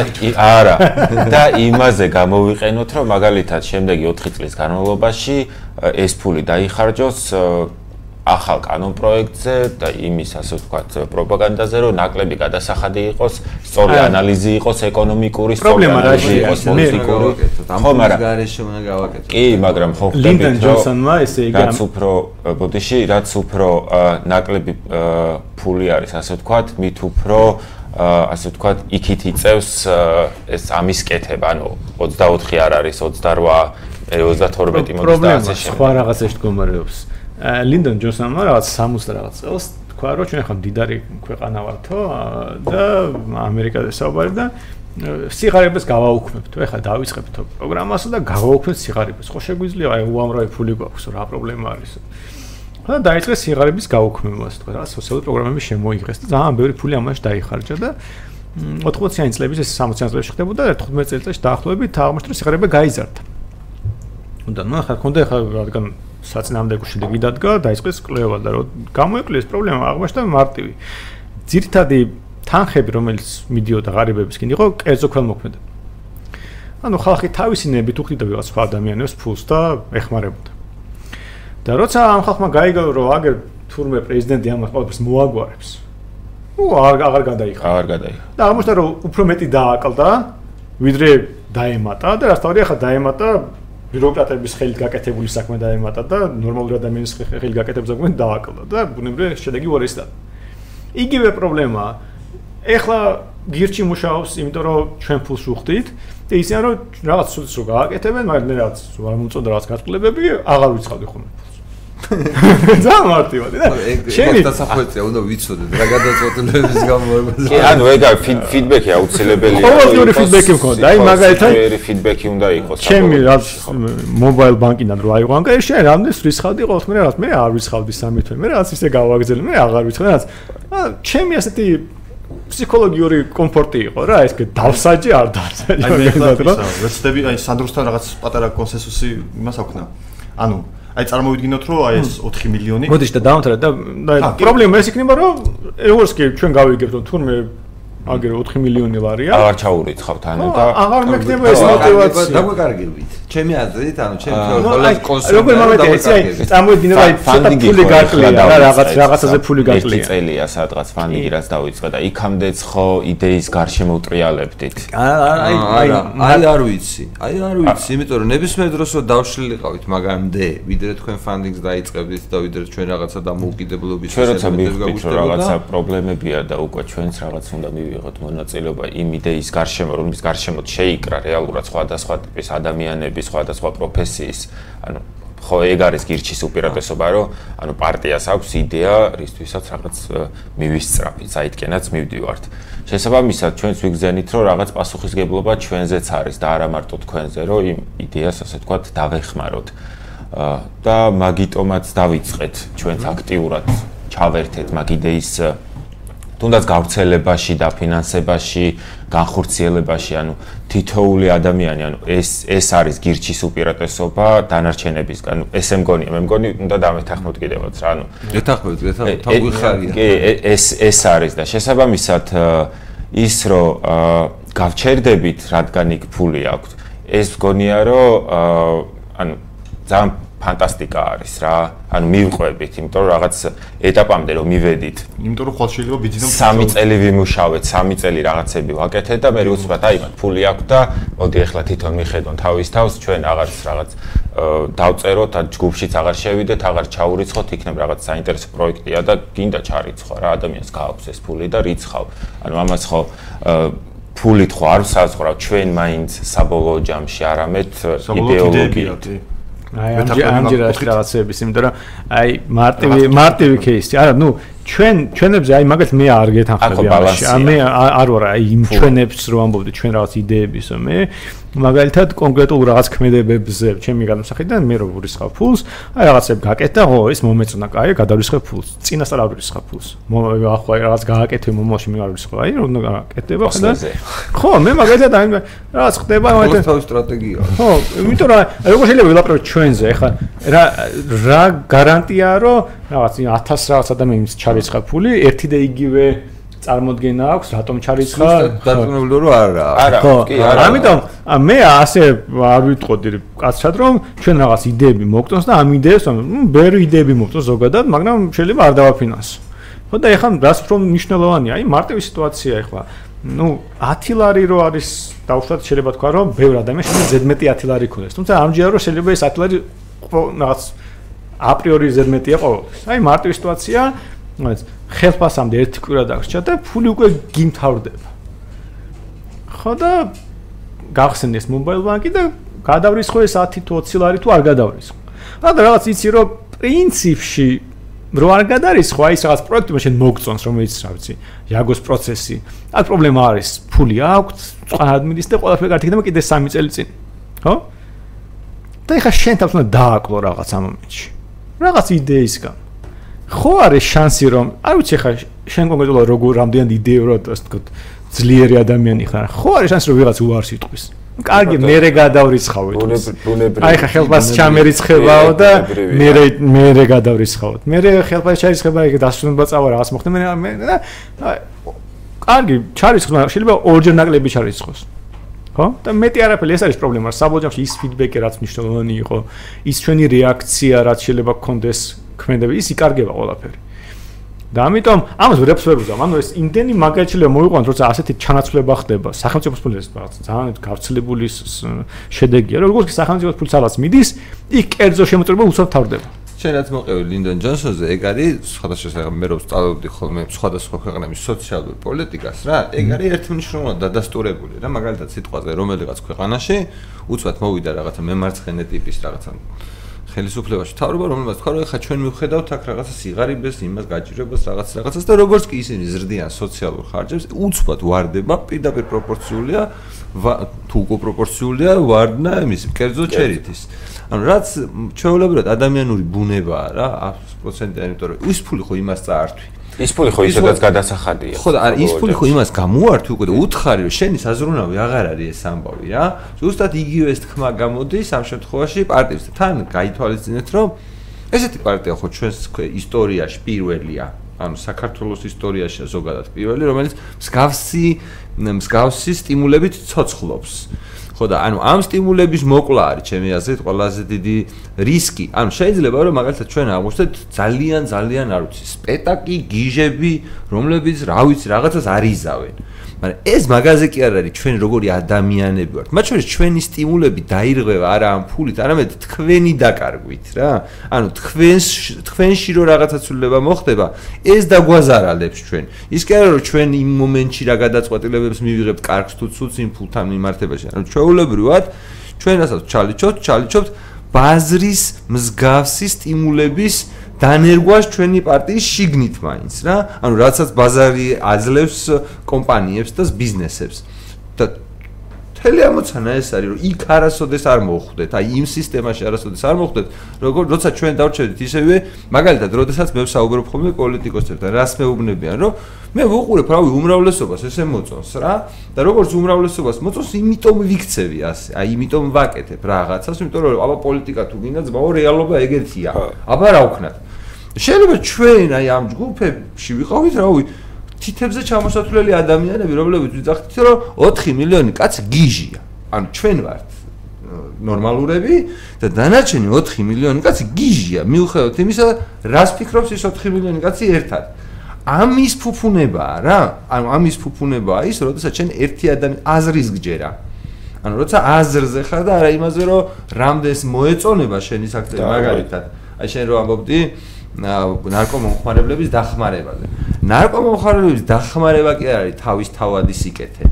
ანუ ჩემი აზრით დახმარჩოლური სერვისია, ხო? ანუ ადვოკატი არსებობს. შენი ამოცანა არის რომ სისტემა გქონდეს გამართული, სანამ ეს ადამიანები თავისი ადვოკატებით, თავისი პროკურორებით, თავისი მოსამართლეებით საბოლოო ჯამში დააყენებენ სამართლიან შედეგს, თორე მე თუ ამ უსამართლო სისტემაში იმის გამო რომ ჩვენ ესეთი რაღაცნაირი ეპატაჟური ხალხი ვართ და ჩვენთან გადაკიდება ვიღაცებს და რაღაცა განდონზე დახატვა ვიღაცას არ უნდა და ასე შემდეგ. თუ მაგის მეშვეობით ვაპირებთ ამ ადამიანების დახმარებას, საბოლოო ჯამში ხო ვერ მოვახერხებთ ყველას დახმარებას, თუ ის სისტემა არ შევცვალეთ, რომლებიც ამ ადამიანებს ამ დღეში ამყოფებს. ხდები, რომ ჩვენი საქმე არ არის მათი, რა ვიცი, ადვოკატურული მომსახურება თუ იურიდიული მომსახურება, ჩვენი საქმე არ არის კონკრეტული ვიღაც. რა თქმა უნდა, ჩვენთვის ეს მნიშვნელოვანია, რომ ცოცხალი ადამიანის მაგალითზე ვაჩვენოთ.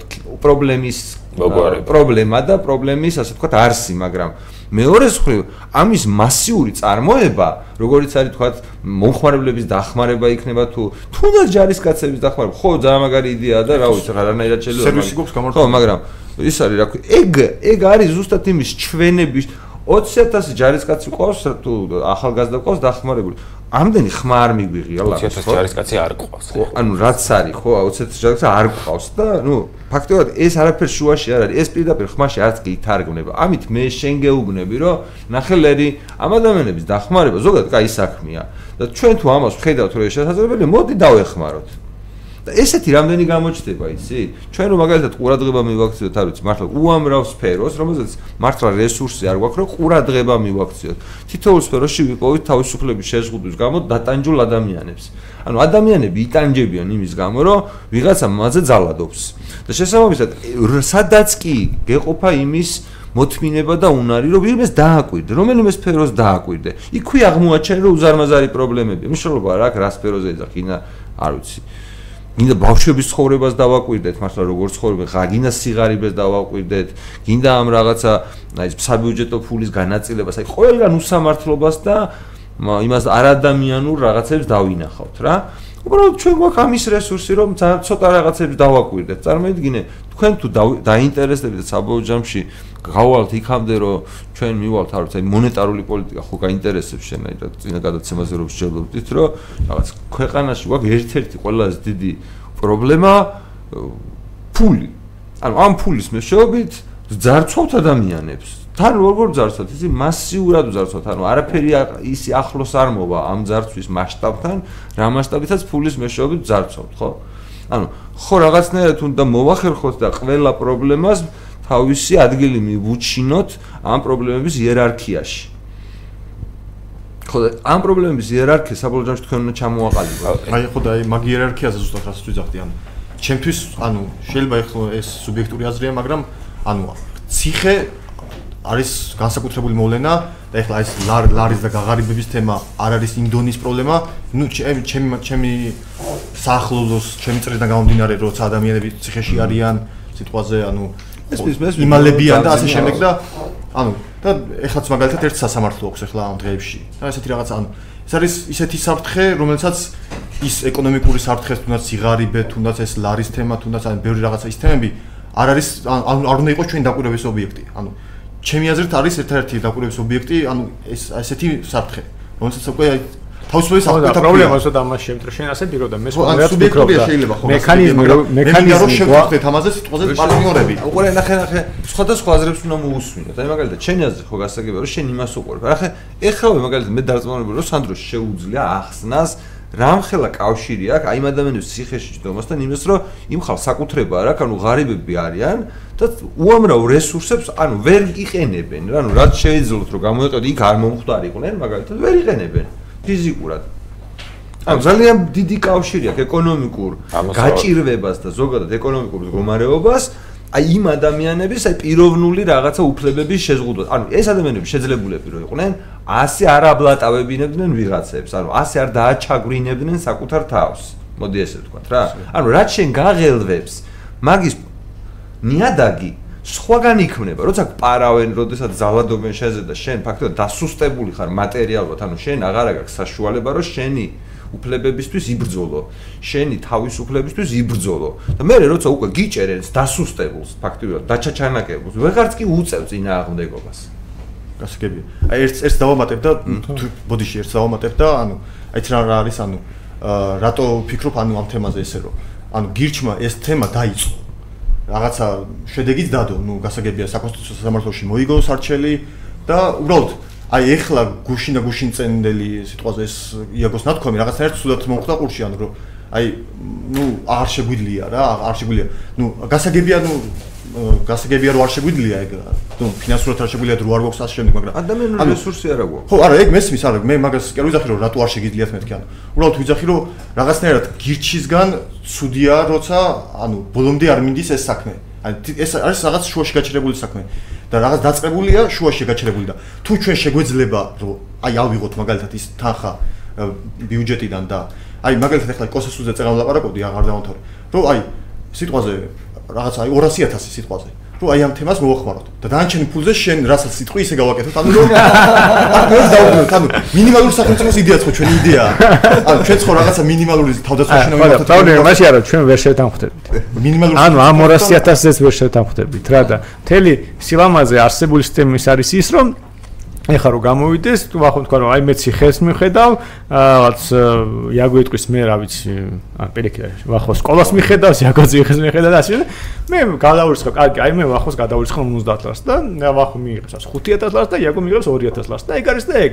ეს არის ჩვენი პრიორიტეტები.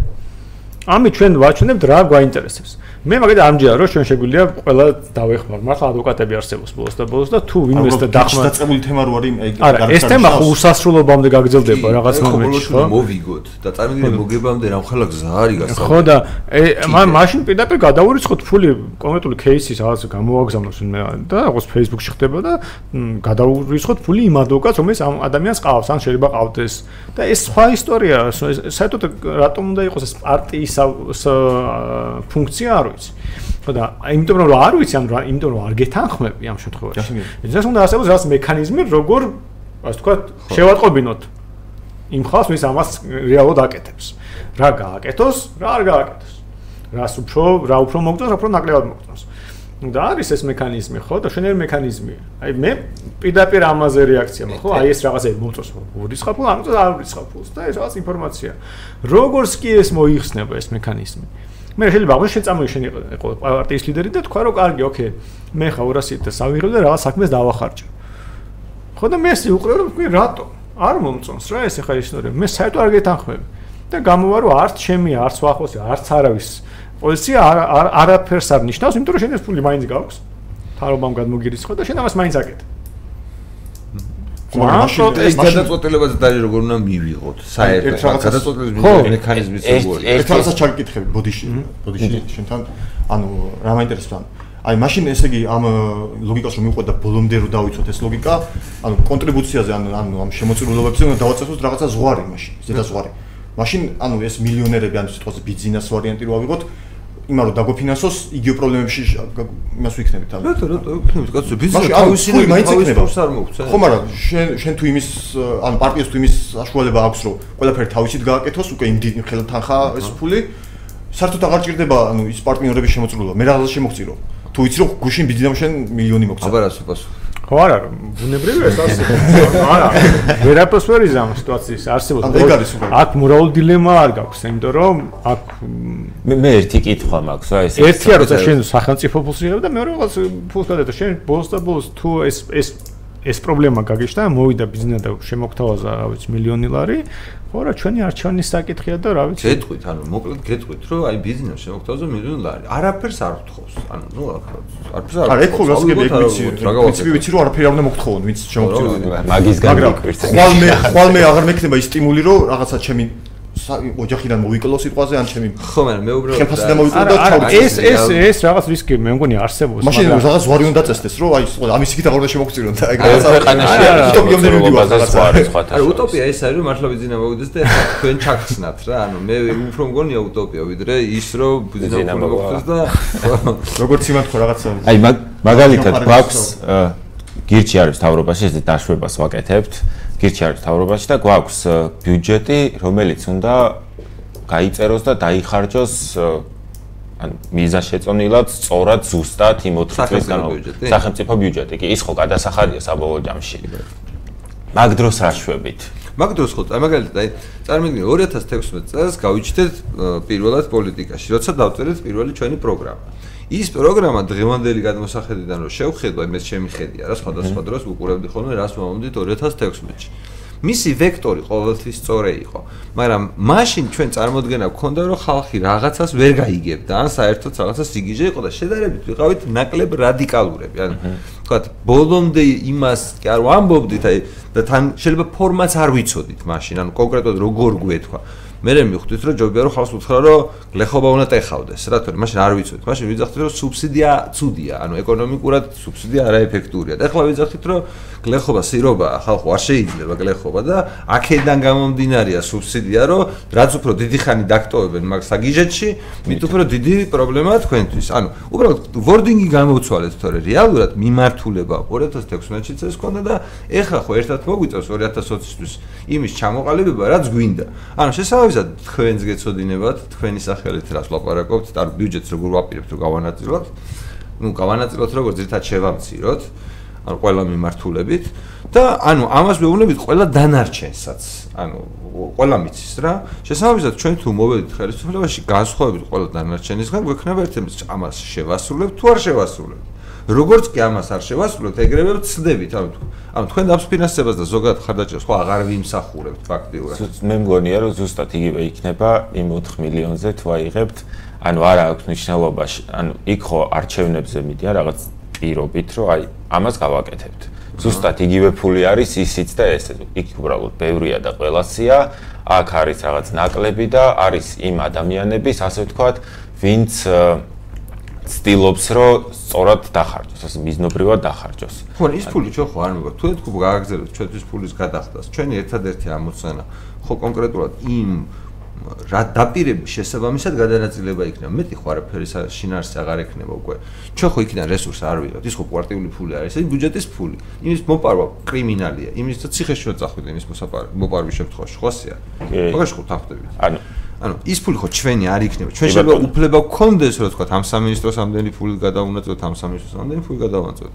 მაგრამ აქ მასთან შეხება არ აქვს. ანუ იქ უბრალოდ ანაწილებ. ანუ შენი ხმა მიდის, რომ ანუ თქვა ამდენი მიიღოს, თავდაცვამ ამდენი მიიღოს, სასამართლომ ამდენი მიიღოს, რაღაცა. და ვიცით რომ მაგას სწორად დავხარჯავთ ანუ ანუ ანუ მაგი ჩვენი საქმეა მთელი შემდეგი წლის განმავლობაში რომ განსაზღვროთ ოღონდ ეს ფული ჩვენთან არ მოვა. თუ მოვა იმ შემთხვევაში თუ ვიქნებით არ ვიცი მოსამართლე თუ ვიქნებით ის ეს ოკეი ეს თუ ეს თუ შევთანხმდით ანუ ფაქტობრივად ამ ეს ჩვენგან დამოუკიდებელი პროდუქტია. ანუ ჩვენ უბრალოდ პასუხისგებლობას ვიღებთ რომ ანუ ხო არ არის აუცილებელი ხელისუფლებაში მოხვიდე ეს არის პროდუქტი რომელთანაც მაგალითად ვისთან ი პარტნიორებ აქედან გამომდინარეობს. იმიტომ რომ სიტყვაზე თითოეულ საკითხთან მიმართებაში პარტნიორებთ იმასთან ვინც შენთან ყველაზე ახლოს არის. იმ რაღაცა პოლიტიკურ ძალებთან ხო? ამიტომ ჩვენ ნებისმიერ შემთხვევაში მაგის გაკეთება გვჭირდება. ოღონდ ეს პრინციპულად სხვა თემაა და არა პარტიული დაფინანსება ჩემი აზრით. ეგ პარტიული დაფინანსება იმიტომ გჭირდება რომ მანდიყო სანდო. კი. ხო, ანუ საბოლოო ჯამში ხო ეგ არის რომ ის ის ფული რაც შემოვა პარტიებში, არა მარტო გირჩი სხვაგანაც ბევრ პარტიას შევა, თავარი არის რომ ის იყოს სწორად დახარჯული მიზნობრივად. ან მაი ნებისმიერ შემთხვევაში მიუღოთ ის ფული, ხო? ან მაგას ხო ვერ ვწდები ჯერჯერობით ამ დღევანდელ რეალობაში. სადღაც უნდა წავიდეს და რატო არ მოხმარდეს სწორად? ანუ ეს არის ამოსავალი წერტილი რა. სწორად მოხმარება? აი ჩემთვის არის აი ძალიან სულად ჭხეს რა. აი უძოდი იმ გაგებით რომ ყველა ამას ამბობს. აი აიღე ნებისმიერი პარტია და ნებისმიერი პარტიის წევრი და კითხერ შენ რომ მოგცი 100000 ლარი როგორ დახარჯე რა სწორად დახარჯავ ხო ანუ ზუსტად ყველა მაგაშია რომ იმდენად იგივენაერი იქნება მაშინ ჩვენი პარტია რომ ვერაფერს ვერ ვიტყვი კარს რა რითი განსხვავდება აქამდე ხო არ იყო იგივენაერი ზუსტად მაგაშია რომ იმ რესურსებით რომლითაც ასე ვთქვათ მოვიძიებდით ხარჯავდით რაღაც იდეებზე იდეებზე რომელსაც მოვიფიქრებდით და ვამბობდით რომ აი ეს არის დასახარჯი ამაზე ფული გჭირდება ეს უნდა გავაკეთოთ. რატო არ შეიძლება ზუსტად იგივენაირად იდეების გენერირება იმ ფულით ანუ რა რა იცვლება მე მაინტერესებს. ადამიანის ფსიქოლოგიაში რა იცვლება? ხო მაგამდე მივდივარ საბოლოო ჯამში. ანუ დიდი ფულით იცვლება ადამიანის ფსიქოლოგია მაგამდე მივდივარ ეხლა არა მე და ხომ გიმუშავია კი რა თქმა უნდა. ნუ არ ვიცი აი 1000 დოლარი გიშოვია? კი. ოკეი. დედას 1000 დოლარი უჩუქებია არა მას არავის აი წარმოიდგინე აი ორი кейსი ანუ ერთი რომელიც 1000 დოლარი რომელსაც ნაშრომი გაქვს და რაღაც ოფლი გაქვს დაღრული მეორე 1000 დოლარი რომელიც გაჩუქეს. შენ წარმოიდგინე შენი აი საშუალო სტატისტიკურად შენი დანახარჯები ეფექტური აი უფრო შენთვის სასარგებლო როდეს იქნებოდა? საბოლოო ჯამში არ მგონია რომ ანუ მე ისეთ ტიპი ვარ რომ ეფექტურად ვერ ხარჯავ ფულს ანუ ჩემ ფულს ეგრე გამყარგავ მაგრამ აა მან თხო ზედმეტი ფულის თემა არის ანუ როცა რაღაც ადამიანს შენ თუ შენი ენერგია აქ ხო ადამიანია და იქ მეორე მხარე არის როცა პოლიტიკური პარტია არის მან სხვა პასუხისგებლობა არის. ხო მაგაზე დაველაპარაკოთ არ გინდათ მე მგონი ჩავიკეტეთ იმას და ცოტა გავშალოთ აი პოლიტიკური პარტია რა არის თქვენთვის? ანუ მაგალითად ადამიანები ვართ ახაც ხო? აი რამე ერთმანეთის მიმართ არანაირი ვალდებულება არ გვაკავშირებს. კი ბატონო. არც ნათესავი აქვს ვინმე ჩემი არც არაფერი უბრალოდ ერთი და იგივე რაღაცა გვაინტერესებს როგორც კი ხვალ არ დაგვაინტერესებს ერთი და იგივე რაღაც ერთად არც ვიქნებით ანუ ძალიან მარტივად ანუ რამე ბეჭედი კი არა გვაქვს დარტყმული რომ გინდა თუ არა ერთად უნდა ვიყოთ ან რაღაცა просто ვართ რა ხო ანუ აა ანუ აქაც ხო შესაძლებელია რომ ცვლილებები მოხდეს მათ შორის აი მაგალითად რაღაც ახალი ადამიანები მოვიდნენ იქ რაღაცები შეიძლება მუდმივი პროცესი თან ხო გვინდა რომ ეს მოხდეს ანუ ახალი ტიპები გაიჩნდნენ ის რაღაც ახალი რაღაცები მოხდეს ხო და აი ამ შემთხვევაში თუ ესე ვუყურებთ რომ ეს ესეთი ძალიან ეს ფაშარი ქსოვილია რა ანუ არანაირი კონტრაქტები ჩვენ შორის არ არსებობს რომელსაც რაღაცა ძალით ვინმეს დააცვევინება ყველაფერი არის ნებობლობითი და ნდობა და სურვილი და რაღაცა ისა ანუ ამ ამაში ამ საბიუჯეტო დაფინანსებისაში ყო ყველა ნაბიჯზე გადაწყვეტილება ვიღაცამ უნდა მიიღოს. ვახო მეგრელიშვილმა რაღაცა ზურა ჯაფარიძემ რომ იმ ფულიდან როგორ უნდა განკარგოს? იმას რამდენი მიწეს არ ვიცი გოგა მოვა მე ვიღაცა მოვა ის მოვა ის მივა რომ რაღაცები გააკეთოს. ანუ ფაქტობრივად ნახე სრულიად განსხვავებული ფუნქცია შეიძლება გაგვიჩნდეს როგორც პარტიის რომელიც აქამდე არასოდეს არ გქონია იხდი ანუ რა გულისხმობ? ანუ რაში დაირღვევა? ანუ ჩვენ კონკრეტულად გავხდებით რაღაცა ფულის მენეჯერები. და თან როგორ ვინ უნდა გახდეს? კი აი კითხვა. შენ როგორი პარტია გინდა? რომ აი ეს 4 მილიონი. როგორ უნდა განიკარგოს? ვისი სახელით უნდა განიკარგოს? ანუ ჯერ პირველ რიგში ანუ როგორც ხდება ხოლმე რა დიდ კომპანიას აქციო საზოგადოებაში რაღაც ბორდი იქნება დობით აღჭურვილი ადამიანების. შესაბამისად ის ადამიანები როცა განკარგავენ იმ ბიუჯეტს იცი რომ რაღაც სწორად იქნება დახარჯული. თუ არ არის თუ ხდები რომ არ არის სწორად დახარჯული და რაღაც ის ფული სხვაგან მიდის შესაბამისად არსებობს კიდე ადამიანები ასე ვთქვათ ის აქციის მფლობელების, ამომრჩევლები, ან ჩვენ შემთხვევაში ჯედების მფლობელები და პარტნიორები. პარტნიორები, რომლებიც ამბობენ, რომ ოპა, მოიცა ეხლა თქვენ კი ხართ იქ, წვიტავთ რაღაცებს, მაგრამ ამას ესე ნუაკეთებთ, იმიტომ რომ გონია რომ არასწორია და მოდი განვიხილოთ. და გავარკვიოთ რომელია სწორი და რომელი არ არის სწორი. ან საბოლოო ჯამში ხო მაგამდე მივდივართ რომ დიალოგია საჭირო ნებისმიერ ესეთ ხო და გოგო მანდ ვერ ამჩნევ გახლეჩვის საშიშროებას. აი მანდ რო 100-თა სხვადასხვაობა გაჩნდეს პარტნიორებსა და პარტიის მენეჯმენტ შორის. ეგ ხო ნებისმიერ შემთხვევაში შეიძლება იყოს. არა, ამ შემთხვევაში თქვენ უფროსები ხართ და ჩვენ არა ვართ უფროსები და იმ შემთხვევაში წარმოიდგინე, ანუ აი ეხლა თქვენ ხართ უფროსები, ანუ რეალურად ძალაუფლების მე პატრონ შეიძლება თუდად ხმარო მე რეცხო ჩვენ ვიქნებით, გადასახადების ფული არის, რაც აქეთ არის პარტია, რომელსაც თქვენს გარეშე ეკუთვნის ეს ფული. ანუ სინამდვილეში აქეთ პარტიული ტიპები თუ იღებენ გადაწყვეტილებას აი 4 მილიონზე, თუ რაც არის, მე იყოს რაღაცა ფულზე, კი, თქვენ შეიძლება ცოტა ხანი შეხედოთ, ე, თქვენ ნუშვებით მასე რაღაცა ცოტა ხანი შემოხედოთ, მაგრამ კი, მაგრამ თქვენ ხო ამ ფულის მიღებაში ჩვენ ხელს ვერ შეგვიშლით და აი აქ როგორც კი ესეთი რაღაცა მოხდება, რომ თქვა თუნდაც 30% პარტნიორების აღარ უჭერს ხარს ფულის ისე განკარგვას, როგორც თქვა მანამდე ხდებოდა. აი წარმოიდგინე ესეთი სიტუაცია. და ჩვენ გვექნება სამართლებრივად შესაძლებლობა რომ მიუხედავად მაგისა, იმ 30%-ს არ მოწონს ან რაღაცა პროცენტს არ მოწონს, ეს ფული მაინც დავხარჯოთ. ეს ხო ავტომატურად გააჩენს ჩვენ შორის კონფლიქტს, რაღაცანაირ კონფლიქტს, რომელიც აი როგორც წელს ანდროიზე ხდა იმ 30%-ს გადააფიქრებინებს თანამშრომლობას. კი ბატონო. საბოლოო ჯამში ხო სულ ანუ ამაზე აიგება. ამიტომ დაირღვევა რომ ნელ-ნელა ნელ-ნელა და კონფლიქტ შემოიტანს ჩვენ შორის. ამიტომ მესამე პირი იჩითება რომ ჩვენ არა ვართ. არც თქვენ ხართ, არც პარტნიორები, არც ჩვენ ვართ შემსრულებლები. ანუ არის ვიღაცა მესამე რომელიც შემოვიდა ჩვენს თამაშში და თავის სტიმულებს გვაძლევს. ოღონდ თქვენ კი არ გაძლევთ, თქვენ სტიმულებს კლავს და ჩვენ სტიმულებს აძლიერებს, რომ ამ ეს ფული ჩვენი გადაწყვეტილებებით განკარგოთ. მიხვდი? ანუ მე ამას კი არ ვიზახი, რომ აუცილებლად შეიძლება იდეალურად მოხდეს ყველაფერი, ხო? ეკონომიკაში არაფერი არ არის ცნობილი. ანუ ეს არის ყველაფერი შეიძლება კარგად მოხდეს. რადიკალური დაშვებები. მაგის შანსი, რომ ჩვენ ყოველთვის შევთანხმდეთ. ხო, ძალიან ძალიან დაბალია. ყოველთვის შეთანხმების შანსი არის 0, ანუ არ არსებობს. უარესი პრობლემა აქვს რა, აი ჩემთვის ნი კარგა. აი მე აგიხსნით რატომ რატომ ურისხავ გირსფულს. აი ჩემი გადმოსახედიდან რაც უფრო ნაკლები გადასახადებია, მით უკეთესია, რაც უფრო ნაკლები რეგულაციები, მით უფრო უკეთესია. აი რაც რაც სახელმწიფო რაც ეს უნდა დავარქვათ, რაც უფრო პატარა, მით უკეთესია. უბრალოდ მე ასე მჯერა, რაც მე ვიცი, ის მეუბნება მე რომ ეს პროცესი ვერ მივა ნოლამდე, ანუ მე ამჯერა რომ ანარქიამდე შეიძლება მივიდეთ და ამიტომ უცებ ეს რაღაც პროცესია, ეს პროცესია რომ ეს და ვეცადოთ ყოველთვის მაქსიმალურად შევამცოთ გადასახადები და რეგულაციები. ამ შემთხვევაში გირჩი ჩემი გადმოსახედიდან არის რაღაც ისეთი გაერთიანები ადამიანების, რომელიც ამას კონტროლში იმედს მაძლევს. აი, რომ რაღაცებს გაკეთება პროექტები და რაღაც რეგულაცია გაუქმდება. იქ შეიძლება ვიღაც აღმოჩნდეს პარლამენტში და ამის გამო გადასახადები შემცირდება. მე არ მინდა რომ იქ კარგი ministri გყავდეს. მე საერთოდ მეჩვენე რომ ყველა ბიუროკრატი ყველა ყველა ყველაზე იდიოტები ავარჩიოთ ჩვენ ქვეყანაში და დანიშნოთ ბიუროკრატებად. თავარიო ცოტა ფული მივცეთ. იმიტომ რომ არ არის რომ კარგი რომ კარგი ადამიანი ბიუროკრატი იყოს, შეიძლება ბიზნესი გააკეთოს, რაღაც ექიმი იყოს და ვიღაც იყოს, ანუ რაც კარგად იცის რაში პროფესიონალია ის საქმე გააკეთოს და არა პოლიტიკაში იყოს. შეიძლება რომ პოლიტიკოსი იყოს და საქმე იცოდეს. ანუ ეგ არის მთელი მთელი იდეა რომ მე არ მინდა კარგი მთავრობა, მინდა პატარა მთავრობა.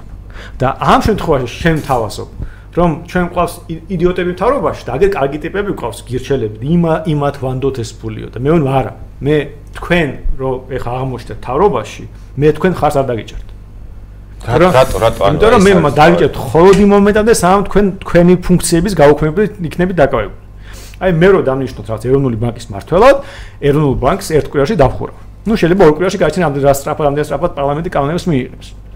მეტი არანაირი ფუნქციონი დატვირთვა არ ექნება ჩემი ასე ვთქვათ ჩემ სინდისთან თუ სწორად ვიქნები. მაგრამ მე არ ვამბობ ვიცი რა მე ხა კარგი ეროვნული ბანკის მართველი ვიქნები მეთქი. მე არ მჭირდება კარგი ეროვნული ბანკის მართველი. მე არ მინდა ეროვნული ბანკი რო არსებობდეს. მე არ მინდა კარგი განათლების სამინისტრო, მე მინდა რომ არ არსებობდეს განათლების სამინისტრო. მე არ მინდა კარგი კულტურის რა ვიცი სამინისტრო და მიყავს სპორტის დაშენ ხო? არ არსებობდეს გაუქმება მინდა რა და ამ შემთხვევაში ეს კონცეფცია რომ ეს ფული ავიღო და დავხარჯოთ ნიშნავს რომ აი ეს ფული რაც 14 14 მილიარდის რაღაც ნაწილი 1 მილიონი თუ 4 მილიონი ამ 4 მილიონს უკეთესად დავხარჯავთ. ანუ შინაარსობრივად გამოდის, რომ ჩვენ ჩვენ უკეთესი მთავრობა ვართ. აი თუ და ძალიან პატარა, მაგრამ მაინც უკეთესები ვართ და მე კიდე არ მინდა რომ საერთოდ მთავრობა იყო. ანუ ანარქისტი. ანუ არა რაღაცა ნაწილებში აი ყველგან ხوارიძახის. გამოსავალი რაც მე გითხარი, ანუ პატარა კონსენსუსივით. ძალიან მცირე ნაწილი მაგ თანხიდან. რომ ანუ ავიღოთ ზუსტად იმისთვის რაც ანუ როგორც ახლა ანუ რაც უფრო ნაკლებია ფული მით უფრო ნაკლებია პრობლემა როგორც მთავრობის შემთხვევაში ანუ რაც უფრო ნაკლებ ფულს ვანდობ მთავრობას უფრო ნაკლებ პრობლემები გვექნება წეგანას ხო?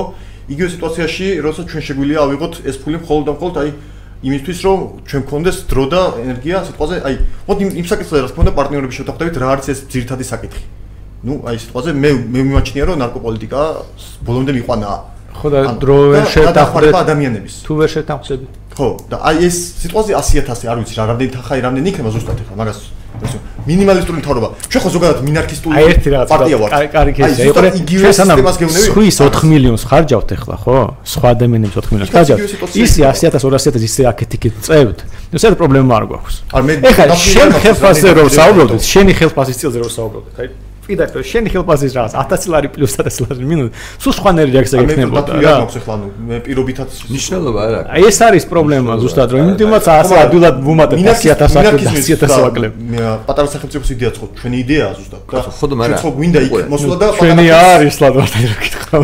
ჩვენი ამ შემთხვევაში საქართველოს პირობებში. არა საქართველოს პირობებში ვიზახი რა ანუ და ანუ რას ვიზახი? იქაც ხო ჩვენ რაღაც პატარა ფული უნდა დავხარჯოთ.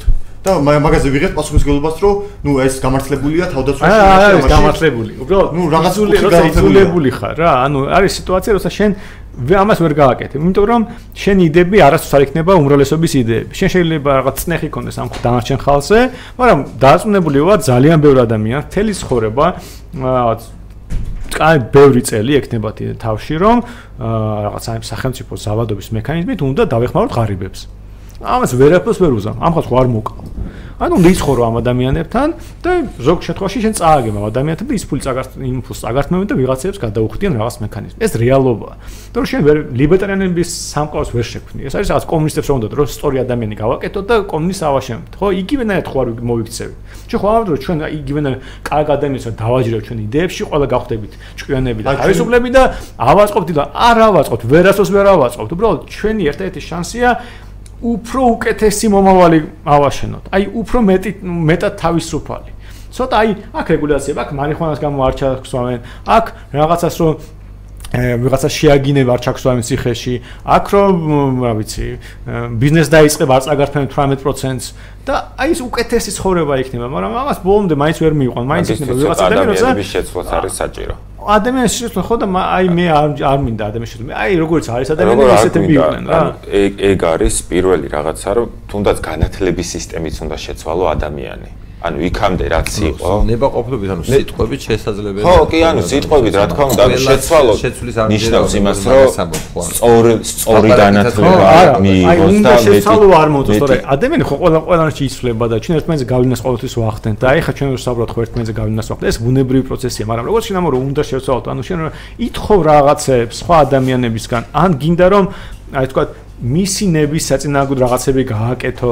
აი მაგალითად თქვენ სულად ხარჯავთ ფულს და მე კარგად ხარჯავ მან თავარი ხო უნდა ხო არ არის რა აი ვეცადოთ რომ ადამიანებს სწორი განათლება მიცეთ. ესეთი ფორმულირება როცა არის. სწორი განათლება რას ნიშნავს? აი მაგალითად უნდა ასწავლოთ რა ევოლუციის თეორია სკოლაში აი სხვადასხვა ტიპის აი არა. სხვადასხვა ტიპის. აი მაგალითად მაგალითად კონკრეტული кейსი არის ბევრნაირი განათლება. კი მაგალითად ავიღოთ სინგაპური ავიღოთ როცა ადამიანები იქ მიხვდნენ რომ აი მათემატიკას უნდა ანუ მივეძალოთ მთელი ერით და მაგას არანაირად არა ადამიანები არ მიხვდნენ არ არსებობს ასეთი ჯგუფი ადამიანები სინგაპურში რა. არიან კონკრეტული ვიღაც ადამიანები ის ეს პროგრამა დაწერეს და დააფინანსეს და შემდეგ და არ ვიცი რა მიხვდა ეს ხალხი. მაგალითად არ ვარ დაწუნებული რომ რაღაც მაინდა მათემატიკას უნდა მივაწვეთ. აი რას ნიშნავს ეს კონკრეტულ რაში გამოიხადა ბევრად უფრო ასე ვთქვათ მაღალი პროცენტულობა აქვს ადამიანების ვინც სინგაპურში ცხოვრობს, ვინც სწავლობს სინგაპურში ანუ სტატისტიკა არის ოფიციალური სხვა და სხვა. კარგად იციან მათემატიკა. ხო, კარგად იციან მათემატიკა და არიან ბავშვები მათემატიკის წოდნით, მაგრამ კარგად იციან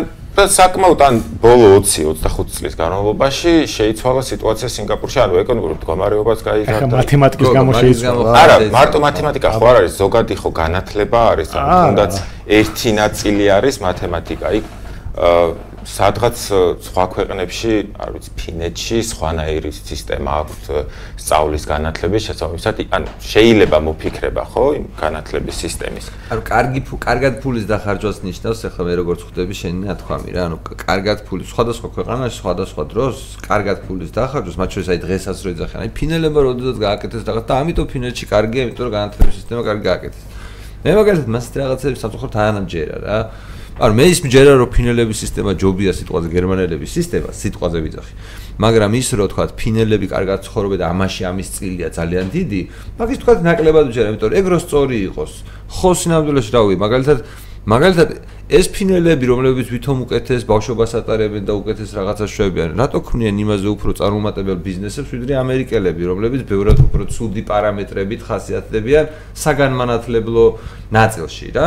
ანუ იქ მრავალფეროვნებაა იქ ერთი სისტემა. სინგაპურშიც მართლა მათემატიკას ბევრ სწავლობენ შანხაიში ძალიან ბევრ მათემატიკას სწავლობენ ახლა პირველ მეორე ჰონკონგი შანხაი და სინგაპური მე მგონი პირველ სამ ადგილს იკავებენ მათემატიკის ცოდნაში მაგრამ მაგას მაგის მაგაზე დაბრალება ამ კონკრეტული ადგილების წარმატების რომ ბავშვებს მათემატიკას სწავლის და ამიტომ არიან მაგრამ მე მგონი არა არასწორი იმიტომ რომ პირველ რიგში მაგალითად ჰონკონგზე თუ ლაპარაკობ ან სინგაპურზე თუ ლაპარაკობ ხო სინამდვილეში დიდი ეკონომიკური თავისუფლებაზე ვლაპარაკობთ, ანუ ვლაპარაკობთ ადგილებზე, სადაც არის ყველაზე ფართო ეკონომიკური თავისუფლებები. რაღამაინც და მაინც მათემატიკამდე არა, მათ ხო? თავარი ის კი არ არის, რომ მათემატიკის და მაგაში საქმე რომ იქ ხო მათემატიკას ყველას ერთნაირად დასწავლიან, ანუ ერთიანი სისტემით დასწავლიან და მე არ მჯერა და პირიქით მგონია რომ ეგ ხელს უშლის, რომ უფრო წარმატებული იქნებოდა სინგაპური, უფრო წარმატებული იქნებოდა ჰონკონგი.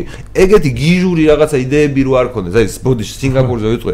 ლიკუან ნიუზე ციგნი მაქვს, აკი მისი ისინიც მაქვს საკითხული და ზოგადად ხო მთელი ისინია ზღაპრებია რა სინგაპურზე იმიტომ რომ არტი უდიდესი ქვეყანა უდიდესი ქვეყანა შექმნეს ჭაობში თუ რაღაც უბედურებაში რა რაღაც. თან არ უნდა დამოუკიდებლობა ისეთი ქვეყნისგან შექმნეს, ხალხი დარბოდა და ეძებდა იქნება ვინმეს მივუერთდეთო. ანუ არ გვინდა სახელმწიფო.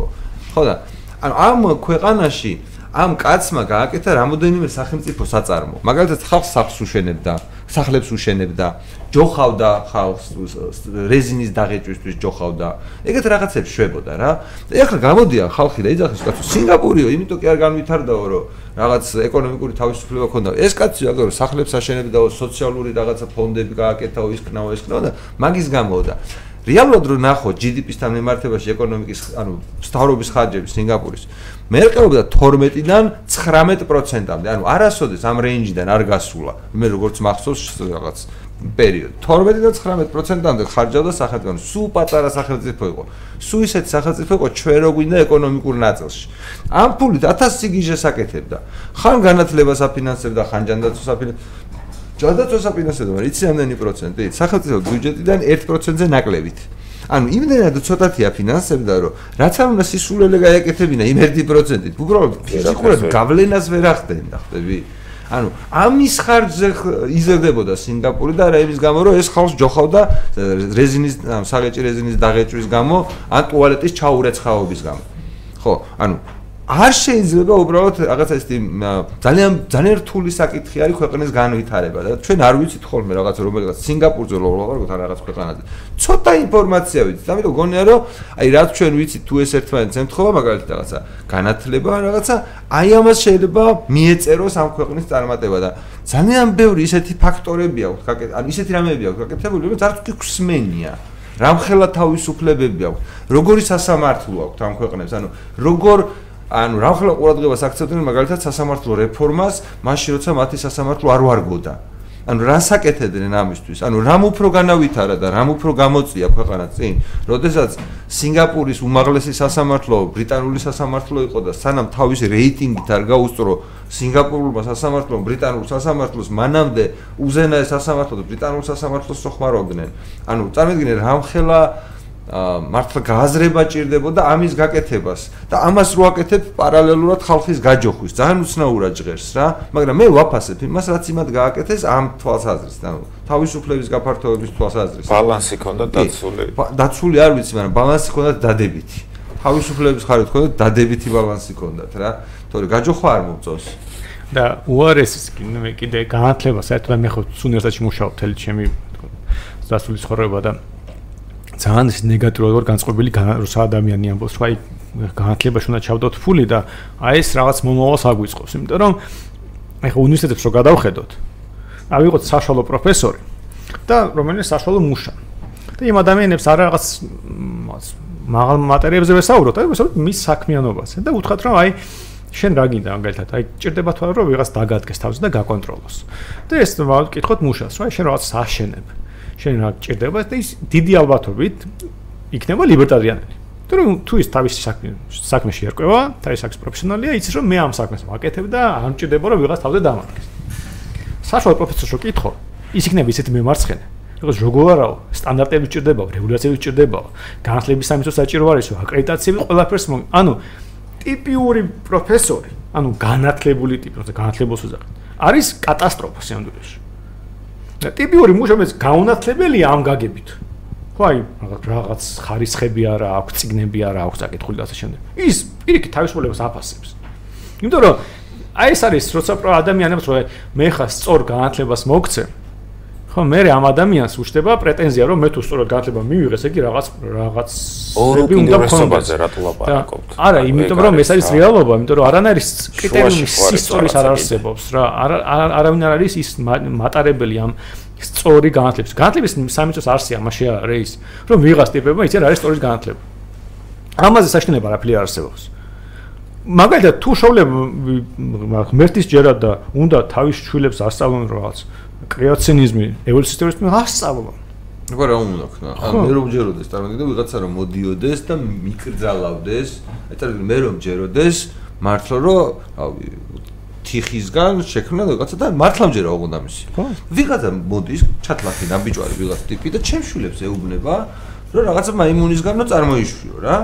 და ანუ მე თუ ეგეთი ადამიანი ვარ, რამხელა ტრავმაა ჩემთვის ეს. მე ხო ამის მართლა გულწრფელად მჯერა და ეკლესიაში დავდივარ და ანუ რაღაც ჩემთვის ხო ეს წარმოგიდგენთ ჩემ შინაგან სამყაროში შემოჭრა ოჯახის დარღვევა ყველაფერია. ხო და არა და ძალიან კარგი ადამიანი ვარ. ხო. ყველა ადამიანი ძალიან მორალურად კარგი ადამიანი ვარ. ადამიანს არ კლავ არ ქურდა მუშაობ დღე და ღამე ეხლა ამჯერა რამ დარვინის და მე რა. ხო და ანუ ეს არის იდეა რომ იმ როცა ვიღაც ამბობს რომ სწორი რაღაცები გავაკეთოთო და ამ სწორი რაღაცებში იგულისხმება რომ პირდაპირ თუ ირიბაც ზავადობას აქვს იძულებას აქვს ადგილი ეს უკვე ჩემთვის მიუღებელია ამას ვერანაირ ვერ გამართლი მორალურად. და პრინციპში ისევ დავბრუნდები რომ ყველანაირად რაც რაც არ უნდა იყოს, ხო? ჩვენ თუ ამბობთ რომ გეშმა ფული აიღოს და მე რაღაც კარგად დახარჯოს, რაც არ უნდა იყოს, რაზეც რას უნდა რასაც არ უნდა ეხება. ჩემ გასწრებით ეს არ იქნება გამართლებული. ეს არის ჩემთვის აი ახლა ჩვენ შეხვდით პატარა თავრობას, ხო, კარგ თავრობას. რა გზებს კი არ ავაშენებთ. ესუნებს კი არ დავეხმარებით. და მანქანებს კი არ ვიყიდით. აი, ადვოკატს დავიქირავებთ, საბოს დავაფინანსებთ. და ასე შემდეგ. ხო, მაგრამ მაშინ ანუ თუ სიტყვაზე ნუ გამო გამო შენი არგუმენტებს რო გავყვეთ, ანუ მაშინ საერთოდ ფულის განკარგვის იდეაც არასწორია. ანუ შენ მაინც სადღაცას მიმართავ იმ ფულს. მართალია პარტიას არ უტოვებ, მაგრამ სადღაცას მიმართავ მაშინ. თუ მორალურად გავყვები შენი გზაც არასწორია, რაც შენი შემოთავაზებაა, ასე ვთქვათ. ბუნებრივია. როგორც კი, როგორც კი, შენ შენ ხარ განკარგველი. ასესამდე ვერ მივედი. როგორც კი, ფულს მოპარავ, ანუ თუ შემოყვები შენ ლოგიკაში, მაშინ შენი იდეაც არასწორია, მაშინ და ანუ მაშინ რაღაც კოსოს უნდა ვერ მივალთ. მაშინ უნდა დაუბრუნოთ თანხა ყველა ვარიანტში. ერთად მორალური სწორი გზა მაშინ მაგ შემთხვევაში იქნება, რომ უკან დაუბრუნო ფინანსთა სამინისტროს ეგ თანხა და შეშვა. ანუ ორი გასწავლებული პრობლემაა. პირველი რომ ჩვენ გვაქვს არასამართლიანი სისტემა და არასამართლიანი სისტემით სამართლიანად გადაკეთება შეუძლებელია. ამიტომ ნებისმიერი ცვლილება ამის პროცესი იქნება არასამართლიანი.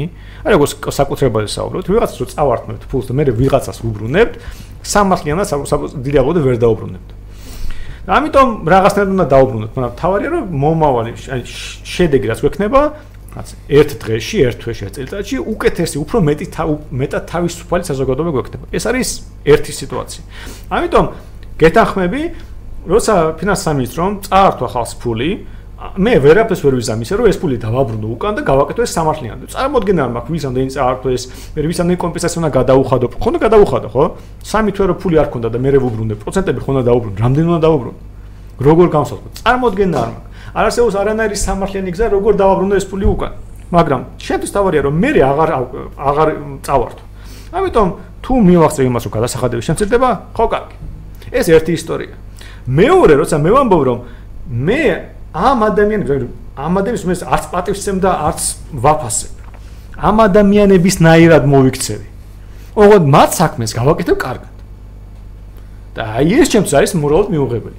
ანუ ერთი სიტუაცია, როცა წარმოგიდგენთ თვითონ რომ ვარდება და ну расизм რა იზოლებული ხარ რაღაც სუდი არჩევანი გააკეთო გაქვს ხუთი მაგრამ ერთი მეორეზე უარესი არჩევანი ხო თავი მოიკლა ვიღაც მოკლა გადახტე რა ვიცი ხო ანუ ყველაფერი სუდი რაც ხდება რომ არჩევანი უნდა გააკეთო.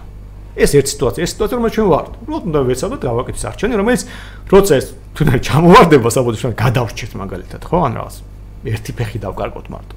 ხო? მაგრამ მეორე სიტუაციაა რომ ოკეი, თუნდაც ჩამოვარდა, მაგრამ კარგი, ეხლა შემდეგ თუნდაც ჩამოვაგდოთ.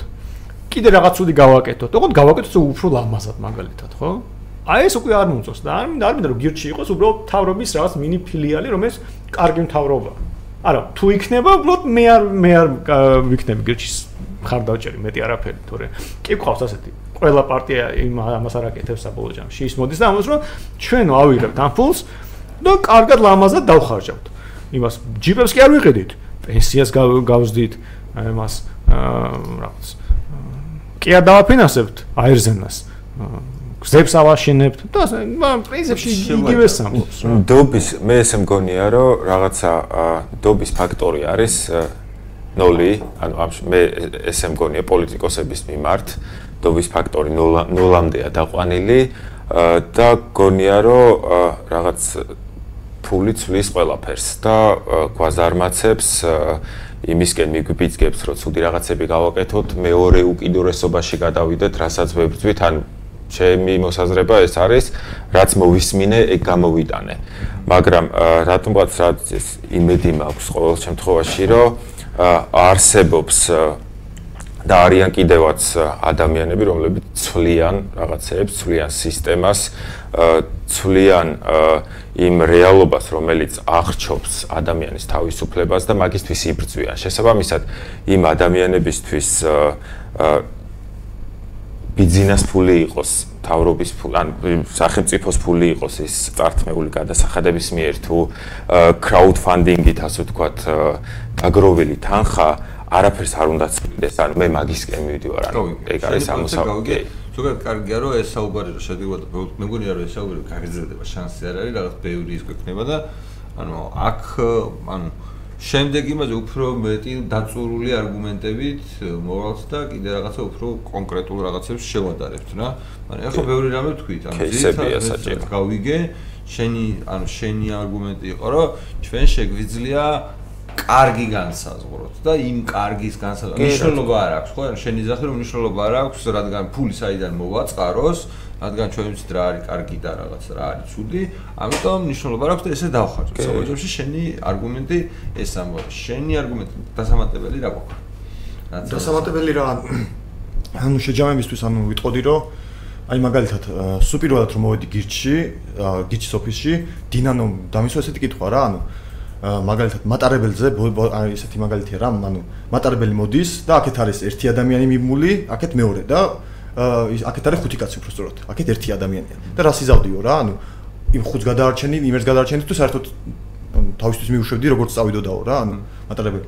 ანუ სწორი გზა ალბათ და რაც თვითონაც ესე ჯეროდა და მეც დამაჯერა ასე ვთქვათ არის ის რომ საერთოდ არ არის შენი განსაწყვეტი რა უნდა გააკეთო მაშინ ამ შემთხვევაში და თუ ფულს ავიღებთ და ზღვარს ვაწესებთ, ჩემი აზრით უნდა ავიღოთ რაღაცა მინიმალური მაინც რომ რაღაცა გავაკეთოთ. თუ არა და მაშინ სანდროს ვერსიაც არასწორია, იმიტომ რომ თუ ერევი და განკარგვაში იმ რიჩარდს გადაწევ, ანუ მოდი იქით გადავაგდოთ ეს, რა ქვია და სიტყვაზე ერთი კაცი მოკლათ ხუთის ნაცვლად. ხო, ერთი კაცი მოკლათ ხუთის ნაცვლად, აი ეგეთი ვარიანტი არის უკვე რომ დაუბრუნოთ იმას, რა ქვია, რატო კაცო? ხუთივეს უბრუნებ მაქსანდროს ვარესიაში ხო ანუ რა მნიშვნელობა აქვს ანუ ჩარევის მომენტს ვიზახი რა ანუ მე მე ვფიქრობ რომ მაშინ საერთოდ თუ მორალურად მიყვებით ამ საკითხს საერთოდ არ უნდა ავიღოთ ფული ოკეი კარგი მაგრამ მე დავუყოთ ამ ფულს ჯერ არ გვაქვს მაგრამ თუ თუ დავაპირებთ რაღაცის გაკეთებას მინიმალური ზღვარი გადის ჩემთვის რაღაცა პატარა თანხის აღება რომელიც დაგჭირდება ჩვენი თავი იდეების ასე ვთქვათ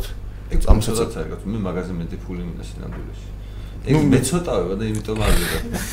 სანდრო, შენი შენი აა მე ხო ძორი ვილაპარაკე ხო. არა, უნდა უნდა ავიღოთ და დაუბრუნოთ ხალხს. უბრალოდ მექანიზმია. ანუ მაინც უნდა ავიღოთ საბოლოოდ. რაღაცნაირად როგორ როგორ მექანიზმი იქნება რომ დაუბრუნოთ. ამაზე შეიძლება ვიმსჯელოთ. მაგრამ ჩვენ არის ამ ფული არ უნდა დავხარჯოთ ამ რაღაც პროექტებზე. პოლიტიკურად რომ დაუბრუნოთ. იმიტომ რომ ეს ფული მაინც ყველა ვარიანტში რაღაცნაირად აღებული გვაქვს ტექნიკურად. რაღაც ეტაპზე იქნება ჩარისხული ჩვენ ანგარიშზე და მაინც ჩვენ უნდა მივიღოთ გადაწყვეტილება რა რა უნდა შეეშო რაღაც სადღაც უნდა გავხო აი ესე იგი ბანკს უნდა აჩუქო ხო? ან თავრობას დაუბრუნო ან ჩვენ დავხარჯოთ ან სხვა ფულს ხალხს დაუბრუნოთ და მე ამ ყველა ცუდი ალტერნატივიდან რომელიც ყველა ცუდია მირჩენია რომ დაუბრუნოთ ხალხს. იმიტომ რომ მინიმუმ ის კარგი რაც გვაქვს ჩვენ ეს ფიდბექების სისტემა არ ჩამოინგრევა ამის მეშვეობით 33-33 თეთრი კაცზე გამოვა საქართველოს მოსახლეობაზე. მაგას ჯობია რომ ისევ ერთ ადამიანს გადაურიცხოთ, კარგად მაინც იცხოვროს. აი, ვახოს. სადაც ეს ეგ public choice theory-ის ერთ-ერთი ესეთი რაღაცა რა აზრია კაცო 33 იმას ეხება. ნა, ცოტა ცოტა მეტი გამოვა. გადის გადასახადებს იხარ იმასილება გადაუკეთება და იყოს მადლობა ხა, ხო, ანუ მე მგონია რომ კიდე სერიოზულად უნდა ვიფიქროთ, ანუ მე ჩემ თავთან მიმართებაში აი რაც სანდრო ამბობს, ეგ ამაგ გადაწყვეტილი რომ პროსტა ნუ არ შეიძლება ჩვენი შეხება მაგ ფულზე ეს ანუ ვიღაცამ უნდა და ესე კი არა ანუ რეალურად ვიღაცამ უნდა დადოს ძალიან სერიოზული არგუმენტი რომ მე წარმო ჩემი წარმოდგენა შევიცვალო ჩემი წარმოდგენები თქვი მე მგონია რომ ღირებულება ის არის რაც გვაქვს და ამ ღირებულებას არ მინდა რომ რაღაცამ საფრთხე შეუქმნას. მაგრამ ვიმჟელოთ საინტერესო თემა ის რომ აი რაღაც ახალი ადამიანების ჩართვა შემიძლია მიხარია და მე ვაფშე ვაგრძელებ რა ამ რაღაც აი დავწერე კიდეს თუ გახსოვთ და ვიც გიყურებთ რომ მინდა რომ ჯგუფიდან ვინცაც მართლა აზრის გამოთქმის რაღაცა პრობლემა არ აქვს რაღაცა ბევრი ადამიანი მოვიდეს და გავიცნოთ ეთერში მაინც ვნახოთ ვინ წერს ჩვენს ჯგუფებში რა რა თქმა დრო გვაქვს შეგვიძლია რომ სიამოვნებით გავერთოთ ესეთ თემებით. მადლობა დიდი დროებით. მადლობა. მადლობა.